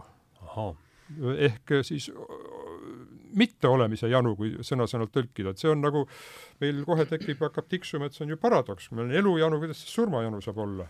surmajanu või see olematuse janu on ka, kui me oleme sündinud, see on nagu me ütleme, sünnime selleks, et asuda teele surma poole, see on meisse sisse kodeeritud juba. ja teiseks, no selline kogemuse läbi on ikkagi see, et me kogu aeg tahame vabaneda, tahame, et ei oleks neid asju, mis kannatust tekitavad, aga ometi me ajame lõbu taga ja sünnime ümber, mis kannatust tekitab, nii et see, et see, see on tegelikult, kõik on kokku, kokku seotud. ja surmajanu, eks ole, noh, me teame kõik äh, oma sellises äh, kõige rängemas versioonis on enesetapp, eks ole. ma ei suuda enam elada, ma tahan nautida, naudinguid on vähe, ma kannatan, ma tahan elada, aga ühel või teisel põhjusel ei suuda enam elada ja see surmajanu siis äh, lõpetab selle asja äh, ära, siin ja praegu. Mitte et sa vabaned millegiga, sest öeldakse, et kui sa, enesetapp on üks kõige suurem vägivald üleüldse, vägivallast tuleb vältida, ilmselt enesetapjad kõik lähevad budismi mütoloogia järgi kuhugile kaugele sügavasse põrgusse, neil võtab hirmsat vaeva ja miljoneid aastaid, et, et kui kunagi jälle inim-, inimeseks sündimiseni tagasi jõuda, nii et see on siis ja inimene on ainuke, ainuke, kes on võimeline kannatusest vabanema. võimeline kannatusest vabanema, jah. Äh, nii, kannatuse põhjus. Nelja või kolmas tõde on suhteliselt lühike, et kui põhjus on teada, siis see lihtsalt nii-öelda fikseerib selle olukorra, et aga sellest on võimalik vabaneda seal nagu rohkem seletusi ei olegi ja siis tuleb neljas tõde, mis annab siis selle konkreetse juhise, et kaheksaosaline tee. kui sa järgid seda teed, käid neid harusid või teostad neid, siis on väga suur lootus, et sa kannatusest vabaned mm. -hmm. muide äh, väga hea, siis äh, lähmegi kaheksa osaga edasi. muide äh,, kuigi äh, võib-olla mm, freudismis ei nimetata seda surma ja elu januks, aga ja, pigem surma, elu ja surma tung. ja, ja, ja, ja muide, kui ma ei eksi, siis just Carl Gust-, Gustav Jung on tõmmanud selle paralleeli ka fro-, äh, freudismi nendes mul tuli ka esimesena kohe. Kahtlemata on, on äh, paralleel olemas ja, ja täiesti õigustatud. Ja tung on eesti keeles ka väga hea sõna, aga noh, kui me võtame selle tanha, eks ole, mis tähendab janu, Buda lähtus sellest äh, väga elulisest kogemust, ikkagi janu, me januneme selle Desire järele. on ta tõlkinud. Desire, nojah, see on niisugune suur, väga suur so-, noh, mis asi, kirg või, või eh, iha, jah, on küll jah, et seal, seal kokkupuuteid on, aga jällegi ma ei mäleta, kes eh, budismi uurijatest kunagi on öelnud, et et jällegi väga suuri eh, neid kokkulangevusi ei, ei maksa ka otsida ja väga ilusti on öeldud, et Buda alustas sealt, kus Freud lõpetas ega Freud ei andnud mingit vabanemisteed. noh, mhm. psühhoanalüüs küll, eks ole, et sa võid oma neuroosidest vabaks saada, aga noh, mul on üks tuttav psühhoanalüüs, kes ütleb, et umbes pooled või rohkem tulevad varem või hiljem tema juurde tagasi. et see annab ikkagi ajutise lahenduse ainult patsientidest. muide, üks äh, säärane tähelepanek veel. me oleme täna põhiliselt rääkinud, et, et äh, mm, need neli üllast tõde on, või õilsat tõde, on siis noh, nii-öelda kogu budismi õpetuse üheks kõige olulisemaks selliseks aluseks või alussambaks, aga on ka budistlikke suundi, kus tegelikult e, üldsegi noh, nii, nii oluliseks seda kõike äh, ei, ei peeta. noh, näiteks näiteks on on öel-, öelnud äh, selline Jaapani õpetaja nagu Nichiren, see on kolmeteistkümnenda sajandi äh, munk, õpetlane Kamakura ajastust, äh, kelle nimeline koolkond või õigemini koolkonnad on hiljem tekkinud. noh, tema on öelnud, et, et, et sellel neljal tõel on selline nagu piiratud, piiratud selline olul-, olulisus, et, et ja sellepärast seda ka nagu selles koolkonnas praktiliselt ei, ei õpetata, et oluline on ainult Valge lootuse suutra ja et see on selline mingi keskmine, keskmine tase. Ja ka mõnedes teistes äh, Mahajana ja Vajrayana koolkondades, näiteks äh, selline äh, India õpetlane nagu Atissa, kes on noh, kellest on saanud mõnes mõttes nagu selline eelaluse panija Tiibeti bud-, budismile. Atissa At-, Atisha, jah noh, tema on, on öelnud, et, et on äh, nagu kolm, ma korraks võtan mõttepausi, ma pärast tulen selle teema juurde tagasi mm. -hmm aga lähme siis praegu ja, edasi selle ja. kaheksa lo, loeme need kaheksa osa ette, et mul on nad siin, mul on nad siin no, inglise keeles, aga et lähme siis, et eh, inglise keeles on esimene right, right views, et kuidas ta on eesti keelde siis? üks repliik veel enne enne õige vaate juurde minemist, et eh, jah, on mõned õpetajad ja traditsioonid, kus seda nelja õilsat tõde võib-olla ei, eh, ei tähtsustata või isegi öeldakse, et see ei ole nii tähtis, aga need on siiski pigem, mitte pigem, vaid absoluutselt kindlasti erandid ja nii palju, kui mina tean, jah, ega džann-budismis ka neid äh, väga ei, ei äh, topita, aga kui sa alustad teed, siis sellest ei saa üle ega, ega, ega ümber ja, ja väga sageli need õpetajate väited on ka kontekstist välja võetud, nii et, et seda ei soovita levitada. aga ma, ma, ma siiski, nagu ma ütlesin, et ma võtan mõttepausi, ma mõtlesin, kuidas seda kõige selgemini välja öelda. et, et on öeldud ka niimoodi, et, et, et põhimõtteliselt on äh, äh, kolm niisugust äh, tas-, tasandit noh, nirvaanasse jõudmi- või tähendab üldse e, e, elu eesmärgi seadmisel, et niisugune kõige madalam tasand on see, et inimene paneb niisuguse budistliku motivatsiooni, et kuidas paremini e, elus hakkama saada mm. -hmm. teine motivatsioon nüüd, milleni viib tegelikult see, see, need neli, neli üllast tõde koos selle kaheksaosalise teega on tegelikult nirvaanasse jõudmine. aga see on ühe inimese nirvaanasse jõudmine mm -hmm., nõndanimetatud noh, arhati tee et need viivad tõesti nirvaanasse, aga nüüd selline kõrgem Mahajana õpetus, Mahajana ja Vajrayana õpetus, selle õpetuse ideaal ei ole üldsegi iseenda nirvaanasse või vabanemise või valgustumiseni või virgumiseni viimine. ideaal on nõndanimetatud bodhisattva mhm. ideaal, mille eesmärk on kõik olendid viia nir nirvaanasse, mhm.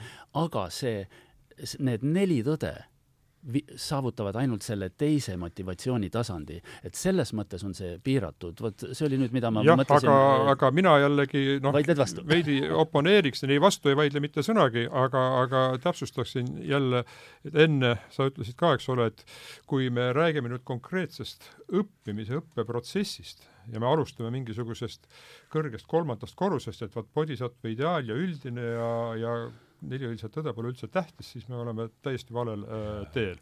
alustama peab ikka neljast õilsast teest ja kui on bodhisattva ideaal, sa oled bodhisattva ja tahad õpetada inimesi, kes veel ei ole budismist väga palju kuulnud, siis ei ole mitte mingit muud võimalust, kui ikka nelja õilsa tõe juurde ja nii palju, kui mina tean, on kõikides koolkondades see tee on ikkagi, ikkagi ja veel kord siis, et esimene, esimeses jutluses pärast virgumist oli siis see neli õilsat tõde sees, see on oluline. jah, väga kaheksaosaline tee. see kaheksaosaline tee ka. nii, aga kuidas on siis right views, et eesti keeles on see õige vaade. õige vaade. Samjak Tristi Samjak Tristi. Nii, kes Mis õige, kes õige vaatesõnast veel aru ei saanud, siis Samjak Tristi peaks kõikidele selge olema. nii, see on õige vaade, see on see vaade, kui sa ükskõik mida õppima hakkad või, või kuhugile tahad välja jõuda, sul peab olema noh, mingisugune eelarusaamine sellest, vaade ja budismi järgi õige vaade on see, et sa võtad omaks neli õilsat tõde, see on peamine. seal on noh, ilmselt mm -hmm. erinevates kohtades on ka võib-olla veel täiendatud ja kirjeldatud, aga see, et sa võtad omaks selle, et on äh, kannatus, kannatusel on põhjus, kannatusest on võimalik vabaneda ja nelja äh, või kaheksaosalise äh, tee abil äh, teed mööda käies on võimalik äh, seda jõuda, sa võtad selle vaate omaks.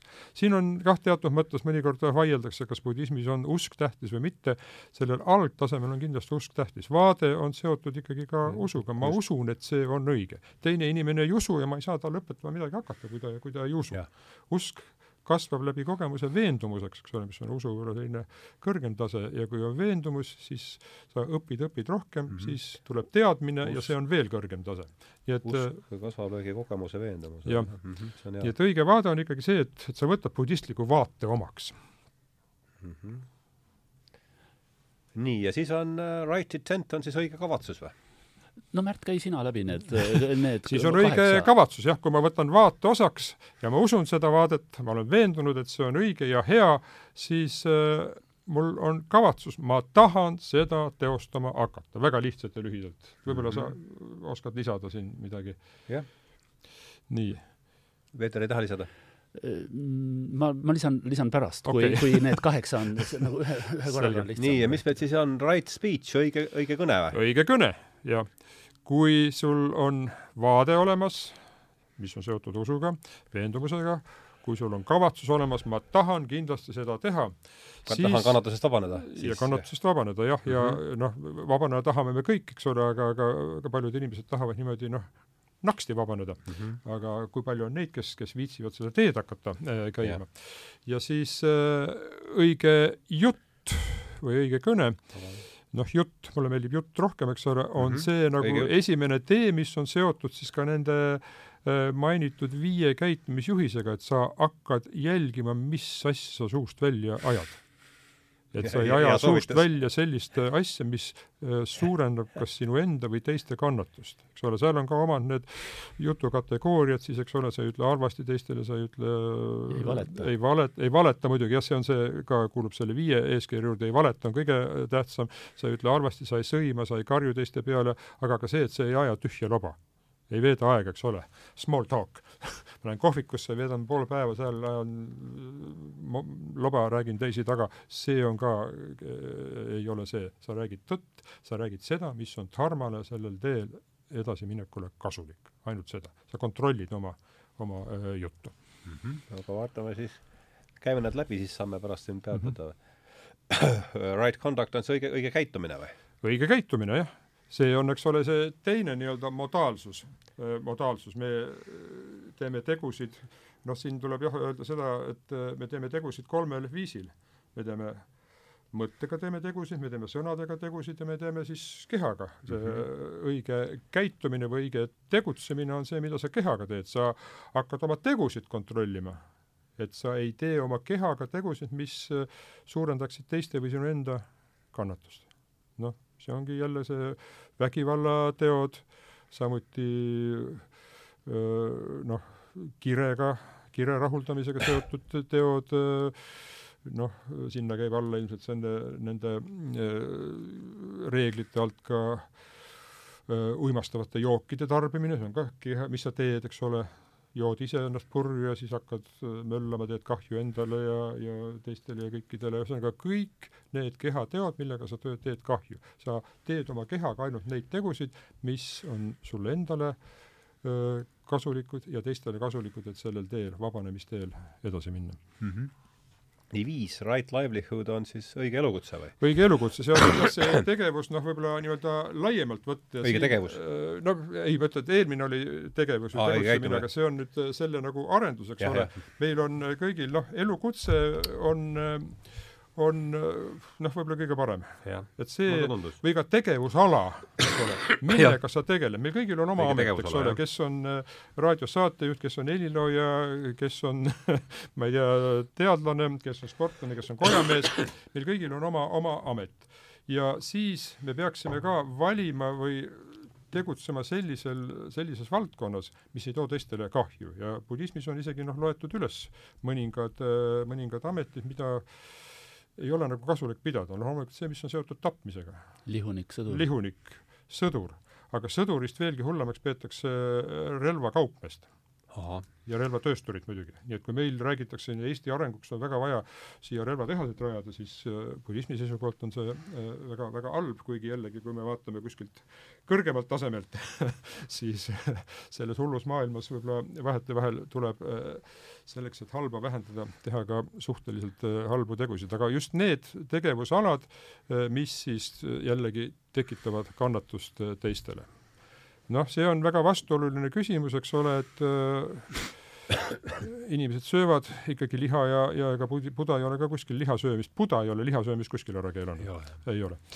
see on, on hiljem tulnud, ei ole soovitav, aga, aga, aga keegi tapab meie eest, eks ole, see on, see on niisugune väga vastuolude pundar ja absoluutselt ei saagi olla, aga ikkagi me saame läheneda sellele, et me oma ametiga ei tee teistele äh, halba mm, -hmm. kannatust ei suurenda nii, kuus on right effort, see on siis õige jõupingutus? õige jõupingutus jah, kui ma olen juba siiamaale jõudnud, eh, siis eh, noh, see on jah, võib-olla natukene selline noh, ma ei tea, üldisem, üldisem jällegi, et meil oli see tegevus ja, ja kavatsus, see on nüüd kavatsuse noh, teoks tegemine, et ma ei hoia ennast tagasi, ma ei ole laisk noh, kui on mm -hmm. budismi õpperaamatutes, kus räägitakse ka mõtlusest, mediteerimisest, siis ka kõige suurem vaenlane on laiskus ja loll, loidus. üks suuri, suuri vaenlasi.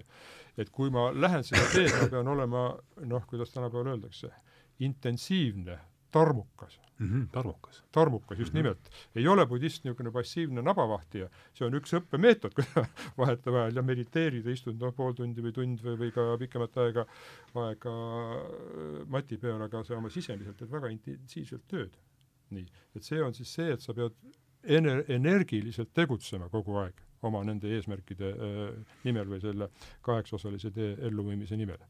laiskus, loidus, minnalaskmine on väga-väga ohtlik mm. -hmm nii, oleme jõudnud eelviimaseni, right mindfulness, kuidas see on meil? nii, eh, noh, selle tõlkimisega on nüüd ka võib-olla üsna suuri probleem, probleeme eesti keeles erinevat moodi on tõlgitud, on eh, tõlgitud äh, õige äh,, mis see Mällil see klassikaline või mida tema, tema kasutas, õige järelemõtlemine mm. -hmm. aga see on ainult asja üks külg, on, minule meeldib õige meelespidamine. Ahah õige teadvustamine, et see mindfulness, smriti, sati, see, see ühendab nagu kõiki neid. aga see, et su meel on selge ja keskendunud mm. -hmm. ilma keskendumatunud meeldeta, ilma see, et sa ei ole tähelepanelik, tähelepanelikkus on ka seal veel mm, -hmm. veel üks äh, nüanss, nii et noh, mina olen nagu püüdnud seda seletada alati eesti keeles siis niimoodi, et see on äh, mõiste, mis ühendab koos äh, tähelepanelikkuse, meelespidamise ja järelemõtlemise. nii mm. -hmm kui sa lähed esimesse klassi, siis õpetaja ka manitseb, et pane tähele, kuula hästi, pane tähele, jäta meelde ja mõtle järele, õpi ära selgeks. nii et see mm -hmm. mindfulness on see, jällegi see on seotud siis selle kõikide eelnevatega, et kui sa midagi teed, kui sa sellel teel oled, sa paned iga oma sammu, iga oma sõna, iga oma tegevust, paned hästi tähele, teadvustad, sa teed teadlikult. teadlikkus sinu elus suureneb mm. -hmm. et ja. sa oled kogu noh, meelega või kogu südamega asja juures mm, -hmm. kui sa midagi teed mm. -hmm. ja viimane, ma loen siin, right concentration, see on siis õige keskendumine? keskendumine, keskendumisvõime, see on see samadhi, jällegi seda võib tõlgendada kitsalt, eks ole, kui noh, mingi konkreetne keskendumisharjutus, aga, aga siin mõeldakse kindlasti seda laiemat tähendust, et see keskendatus kui selline, eks ole, see eelmine, see mindfulness või, või tähelepanu meelespidamine, järelemõtlemine on, on nii-öelda nagu tehnilisem, aga samaadi on noh, minu arusaamist mööda nagu see seisund, mis kogu seda samaadi, tegevust tehes muutub sinus üha püsivamaks. nii et see keskendatus sul ei, ei kesta mitte viis sekundit ega viis minutit viis tundi, vaid sa oled kogu aeg keskendunud mm. -hmm. ja ilma selleta jällegi, jällegi nagu äh, asju äh, teha ei saa. ma siin, noh, me jõudsime nüüd selle tee lõppu, aga ma siin tooksin siis äh, ühe sellise ilusa kujundi, mida ka mõnikord on, on kasutatud, see kaheksaosaline tee jagatakse mõnikord veel kolmeks nagu sektoriks. selleks, selleni ma tahtsin just jõuda esimene on äh, siis äh, mõistmine, arusaamine. esimesed kaks. esimesed kaks, jah. on mõistmine, arusaamine, siis äh, järgmised kolm, kolm., eks ole, on kõlbeline käitumine, mis siis on need viis, viis reeglit, mida siin nimetati, Sheila ja järgmised kolm või? keskmiselt kolm, õige see kolmas, neljas, viies. tegevus ja elukutse ja viimased kolm, jõupingutus, see meelespidamine, järelemõtlemine ja keskendatus on siis kõik kokku ka samaadi, keskendatus. ja budismis mõnikord ja mis see teise, mis see teise komp-, sektori nimi oli? Shila ehk moraal. kõlbeline käitumine või moraal, noh, võib ka öelda mm. -hmm. ja on selline väga ilus kujund, mis, mis mulle, mulle meeldib ja mis hästi iseloomustab seda, et need kolm on nagu puu, puu, mis kasvab.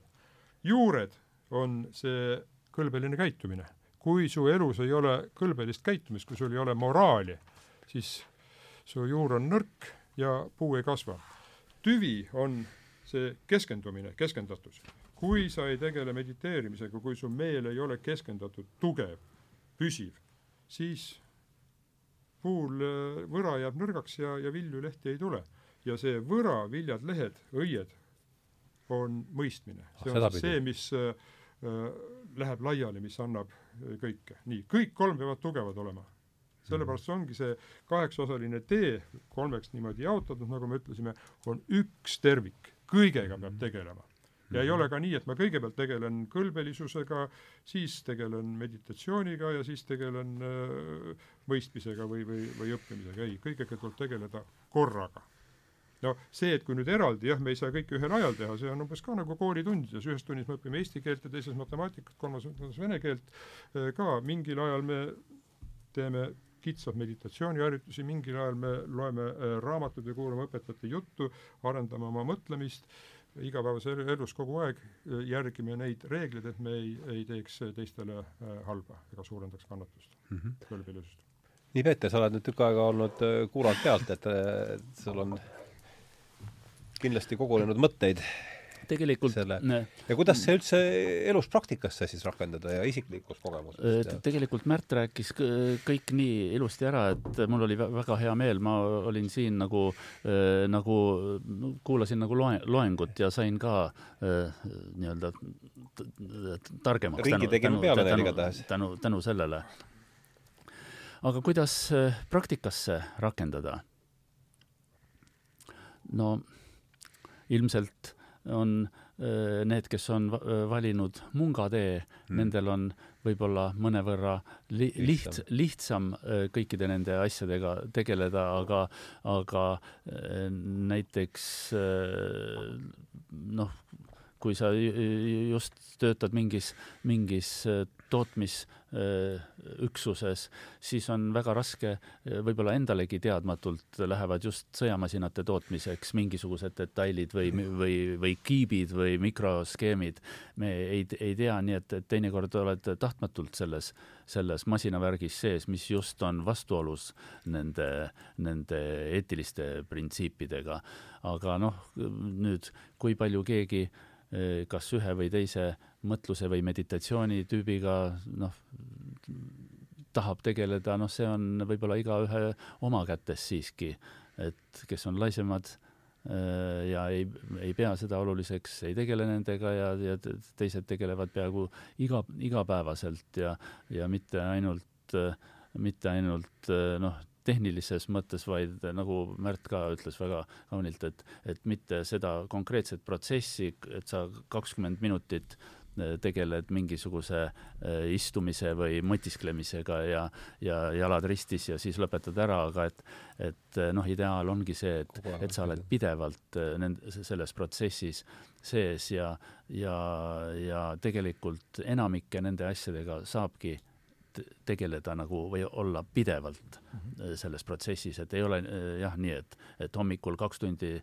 tegeled vot sellest kaheksaharulisest või kaheksaosalisest teest number kahega ja siis siis pärastlõunal tegelen number viiega.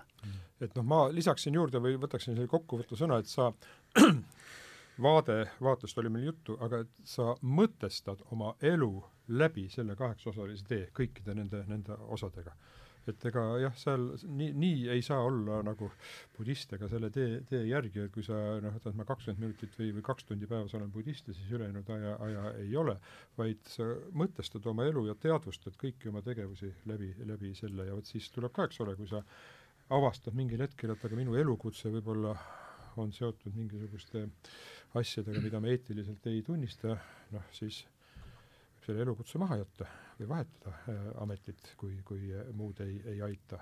või noh, on võimalik ka mõtestada ümber, eks ole, ma teen küll detaile, mida kasutatakse relvadeks, aga neid relvi kasutatakse võib-olla selles praeguses olukorras, me teame, et need relvad lähevad noh, headele, kes siis hävitavad pahasid nende all, eks ole, noh aga, aga see, see ei tohiks minna selliseks eneseõigustamiseks kindlasti mm, need asjad, et jah, ma tean küll, minu amet on, on, on, on paha ja toob kahju, aga mul on vaja pere üleval pidada ja ma pean raha teenima, siin on päris hea palk, eks ole, kui ma selle nüüd maha jätan, siis ma saan vähem palka ja ühesõnaga, see on väga-väga keeruline.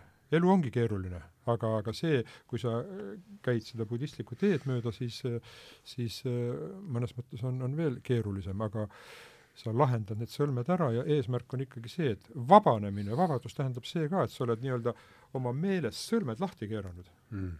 Need enam ei tekita kannatust, sul ei teki enam sellised, sellised äh, seisundid. vabanemine on äh, sõlmede lahti harutamine, seda kujundit on, on ka toodud. muide, äh, Buda on selle asja niisuguse kaheksaosalisena väga nüüd selgelt ja lihtsalt ja osavasti sõnastanud, aga tegelikult mul on säärane tunne, et enamik nendest punktidest on kuidagi säära-, säärased, et iga inimese mingi sisehääl tegelikult ütleb ära, ma, mina, ma ei, ma ei taha nüüd enda kohta öelda, et ma olen neid, kõiki neid asju järginud, ei, kaugeltki mitte, oleks, muidu oleks juba võib-olla nirvana sammu. jah, aga paraku ma seda ei, ei ole, aga samas sisetunne tegelikult on mulle öelnud peaaegu kõikide nende asjade kohta, et just niimoodi tuleb käituda, niimoodi tuleb elada. Ja võib-olla isegi täiesti lahus sellest, et ma ei ole seda lugenud või, või teadnud ja, või kui olin ka kunagi lugenud, siis on meelest läinud. nii et need on tegelikult väga loogilised, loogilised niisugused, ütleme, printsiibid mm. -hmm. jah, ma lisaksin ka juurde, et ega minu meelest ka juba, juba üsna varakult ma sain, sain aru, et ega budismis need reeglid ja õpetused, noh, reeglid on suhteliselt üldinimlikud mm. -hmm. igal pool õpetatakse sarnaseid asju, aga, aga rõhuasetus on teised ja noh, aga budismis on jah, teatud mõttes see nirvana või see vabanemine, kõikide sõlmede lahti harutamine, noh, oma ikkagi suurel määral omaenda jõupingutuste teel, see on niisugune nagu unikaalne, et enamikes teistes religioonides on ikka kas Jumal või Jeesus või keegi, kes on, on meile nagu midagi juba ette teinud. aga äh, budismis noh, loomulikult budismis noh, mingites tasanditel on ka need olemas, kui me lähme budistlikele maadele ja me näeme, kuidas tuuakse kujudele ohvreid ja, ja suitsuküünlaid ja lootes sellega, et me saame oma ellu midagi natukene, natukene paremat, me saame mingeid halbu tegusid andeks, see on ka budismis olemas, aga budismi see eesmärk on ikkagi see, et ikkagi iga inimene põhimõtteliselt iseenda jõupingutuste teel jõuab sinna on ka öeldud äh, Dhammapada raamatus, kuidas see sõna, sõnastus täpselt oli, et Buda ei vii mitte kedagi noh, nii-öelda käe kõrval kuhugile nirvaanasse või, või vabanemisse. Buda on ainult teenäitaja. ta mm -hmm. ütleb sulle, näed, kaheksaosaline tee, võta, hakka tegema.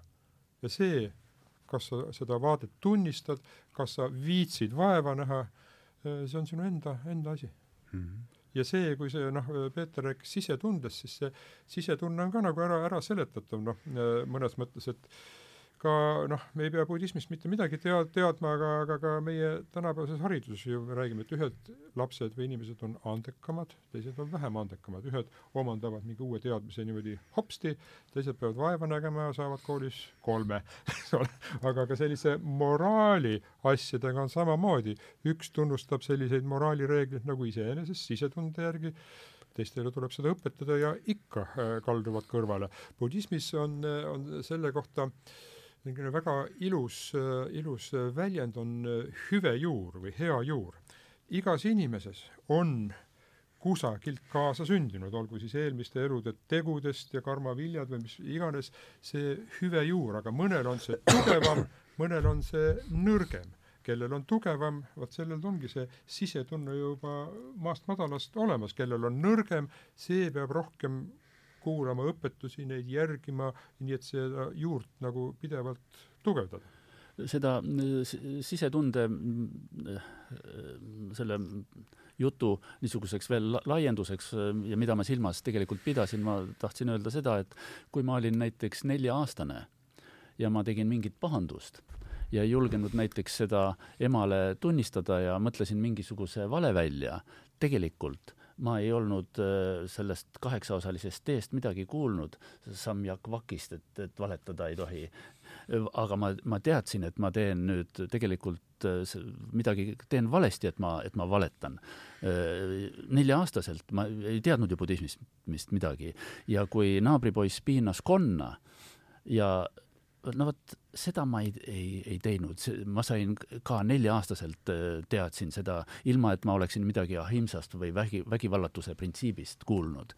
no vot, see on inimesele kaasa ilmselt on kaasasündinud ja ma ei arva, et ma siin olen väga suur erand, kuigi muidugi näiteks Hiina filosoofias, noh, Märt, sina tead sinoloogina kõike seda paremini, on just nagu kaks niisugust arusaama, ühed ütlevad, et inimene on algselt sündinud heana ja, ja et ühiskond on talle sellist halba mõju avaldanud.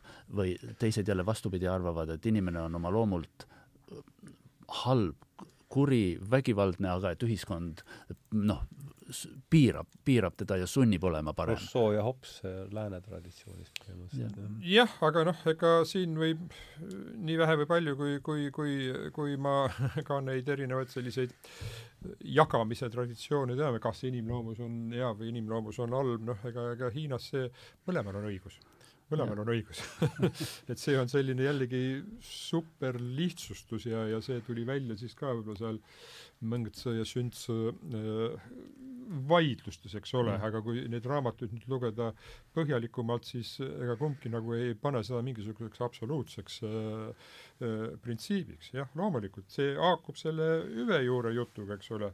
inimestes on see noh, ütleme, et selle inimloomuse, hea inimloomuse kontseptsiooni kohaselt on need head omadused nagu, nagu kaasa sündinud ja ühiskonna asi on äh, neid äh, hariduse kaudu võimendada, eks ole. Mm. -hmm teise kontseptsiooni kohaselt jah, inimesed seda head on ikka väga vähe, kui üldse, et kui kontrolli ei ole, siis äh, hakkab äh, pahandust tegema, et ühiskond peab talle neid õpetama, aga et ega seal iseenesest vastuolu ei ole ju. Yeah jaa, no nii, meil on nüüd kümmekond minutit siin, äh, kümnekonna minutiga võiks tõmmata otsad kokku, et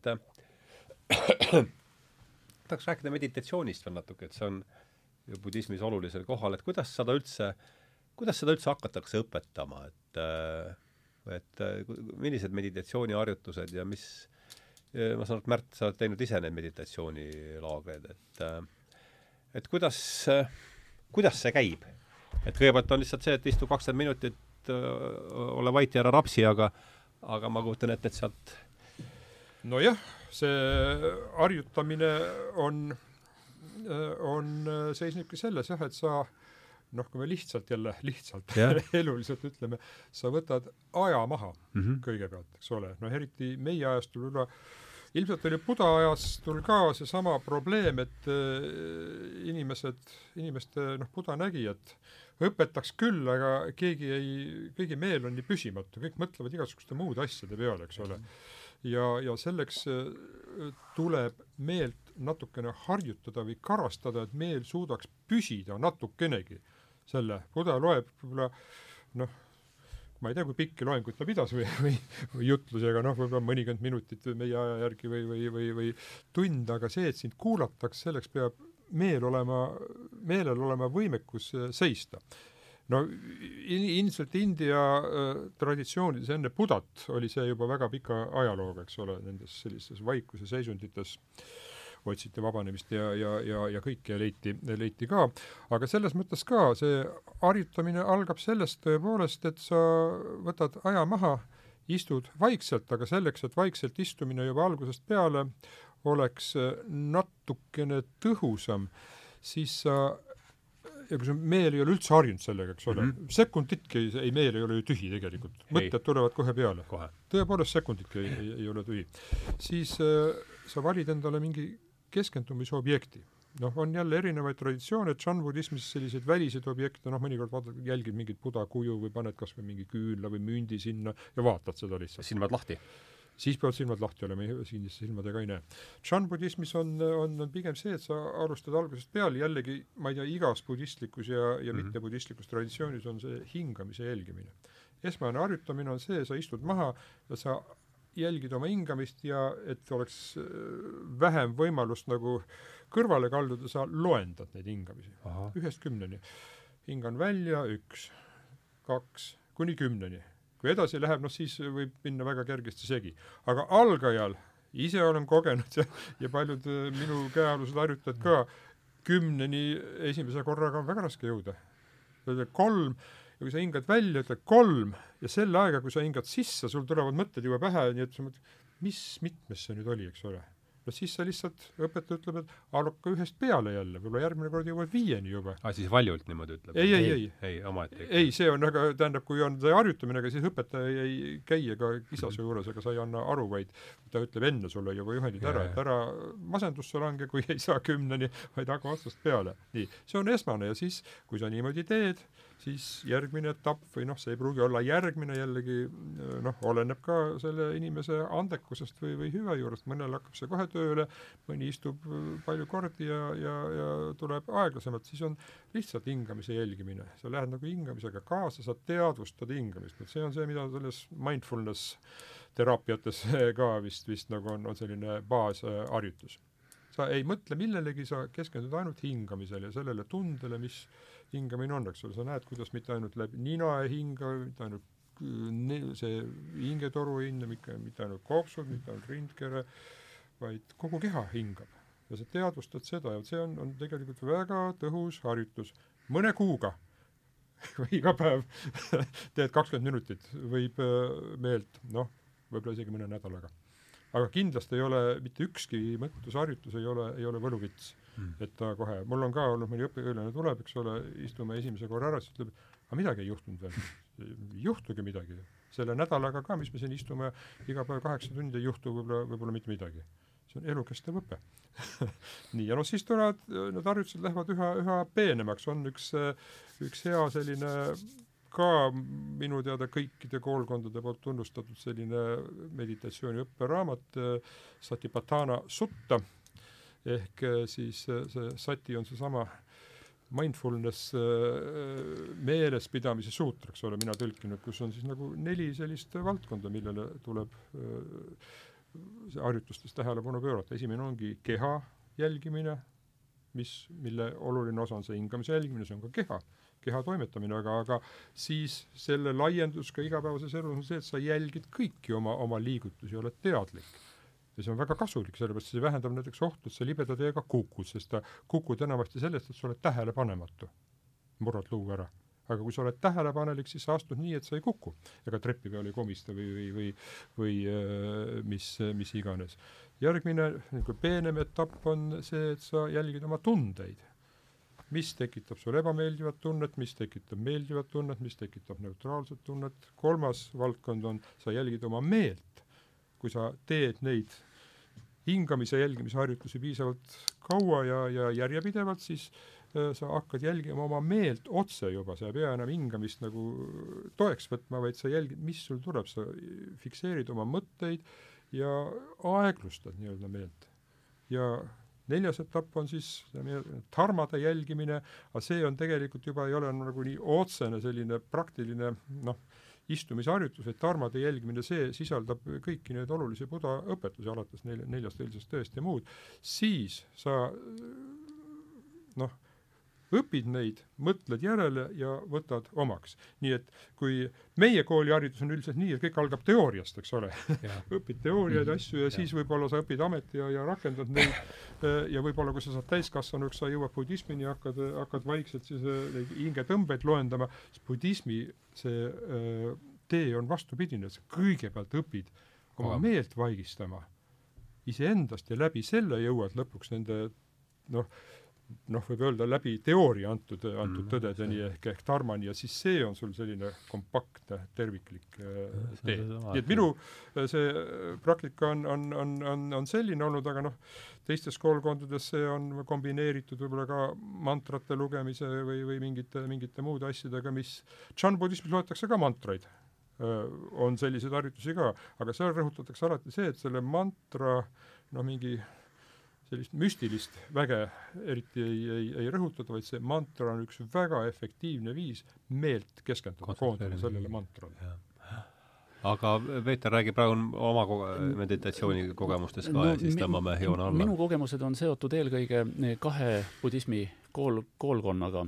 üks on selline, mis algselt, mida nimetati FW, ei, FW, ei, OV, OF, Friends of Western Buddhist Order, nüüd ta kannab, tal on teine nimi, nüüd on Triratna, tri, triratna kogudus. see on niimoodi ühe inglise sellise buda, budismi õpetaja loodud selline kokku pandud kompleks. Ja teiseks on minu kogemused eelkõige seotud Trigunkagü Tiibeti budismi koolkonnaga. Ja otseselt, mis päriselt langesid, noh, ütleme sajaprotsendiliselt kokku sellega, mida Märt rääkis, on see hingamisele kontsentreerumine ja, ja täiesti olen nõus sellega, et, et ka kümneni, meil paluti küll üheteistkümneni ja hiljem kahekümne üheni, aga enam algetapil ikkagi läks mõte ära, ei, ei jõudnud selle kahekümne üheni. ja kui kümneni, siis on siis jälle, siis jälle otsast peale või? siis otsa, otsast peale, aga sageli ei õnnestu. no tähendab, siis veel noh, nagu enamasti me pidime kontsentreeruma hingamise etappidele, noh et sissehingamine, siis on üks niisugune, see niisugune hing, sissehingamise ja väljahingamise vaheline selline paus, et keskendud sellele, siis hingad välja ja enne kui järgmist sissehingamist alustad, siis on jällegi selline noh, vaik-, no üks hetk, aga et sa teadvustad seda, seda hetke Aha. ja, ja vot ei jõua kümneni, läheb kuskil kaheksa või viie peal või no kus iganes läheb sassi. aga sellest Märt juba rääkis muidugi olulised on olnud minu niisuguses noh, meditatsioonikogemuses need meditatsioonid, kus tuleb arendada endas mingit tunnet. noh, nendel on kas sanskriti või paalikeelne nimi tavaliselt nendel meditatsioonidel, kas siis maitri paavana noh, nagu sõbralikkuse visualiseerimine või kujustamine ja siis näiteks karuna paavana ehk kaastunde kujustamine. et noh, see on selline noh, mitte liiga keeruline, aga siiski vajab noh, näiteks mina tegelesin ühe või teisega ikkagi noh, umbes kaks aastat ja alles siis ütles mulle õpetaja nii, et Peeter, praegu läheme asjadega edasi, et ei ole vaja enam noh, igapäevaselt sellega vähemalt tegeleda. aga niisugused kõige põnevamad on, on võib-olla olnud need ja seal on muidugi seda võib-olla eksootikat ja müstikat ka ju juures, kus tõesti on, on, tuleb äh, retsiteerida oma sisehäälega mantraid ja, ja siis noh, et see niisugune keskendumine on tegelikult ühe budistliku rituaali osa ja see rituaal on enamasti siis pühendatud ühele või teisele bodhisattvale või jumalusele või mõnikord ka Buddha Shakyamunile või mingisugusele abstraktsemale öö, teemale. ja, ja sageli on niimoodi, et, et selle, et see keskendumisharjutus või meditatsioon, ta on eristamatu tegelikult noh, sellisest liturgiast mm, -hmm. kus ka tegelikult võib-olla mingil hetkel lauldakse, teha, tehakse mingeid, sooritatakse muudraid, eks ole, käte, käteasendeid ja teinekord isegi mängitakse mingeid pille või kellukesi või, või tr trummi ja äh, aga see ümbritsev on kõik selleks ikkagi nagu pigem abivahend, see ei ole asi, eesmärk iseeneses. see trumm tegelikult noh, võib-olla aitab meeles pidada mingeid tekste ja ja, ja sageli näiteks just Tiibeti traditsioonis on niimoodi, kui siin rääkisime mantrate retsiteerimisest oma sisehääles, sageli retsiteeritakse mingit mantrat algul valjult, noh näiteks kolm korda ja siis noh, me oleme kloostri filmidest ka näinud, siis mungad noh, võtavad seda nii-öelda levelit või valjust maha, siis pomisevad, pomisevad ja lõpuks äh, paarkümmend minutit või kümmekond minutit toimub see kõik ainult, ainult vaikuses mm. -hmm. Mm -hmm. no aga kena, meil on kaks tundi saanud siin täis ja, ja jutt äh, saime sellele esialgsele plaanile ringi peale veel kord siis äh, esimene tõde, et elu on kannatus, kannatuse põhjus, kannatust on võimalik vabaneda ja ja kuidas kannatusest vabaneda, selleks on siis meil kaheksaosaline tee, õige vaade, õige kasvatus, õige jutt, õige käitumine, õige tegevusala, õige jõupingutus, õige järelemõtlemine, meelespidamine, tähelepanelikkus ja, ja õige keskendumine. saan ma, olen ma õiges asjadest õigesti aru saanud? Vist oli jah, äh, lapsus lingua, teine on kavatsus, mitte ah. kasvatus. oh, vabandust, muidugi jaa, jaa, lapsus lingua ja õige kavatsus muidugi jaa, jaa, jaa. oleks mul õige, ikkagi hea kavatsus muidugi, jah. aga siis äh, aitäh äh, ka selle paranduse eest ja aitäh tulemast ja, ja, ja soovin teile siis ilusat kevade jätku ja, ja, ja tänan kõiki, tänu kellele see saade on seda teoks saanud ja, ja eelkõige teid veel kord ja tõmbame siis praegu joone alla ja vajutame siin vajalikele nuppudele, et saaks koju minna. tänan kutsumast!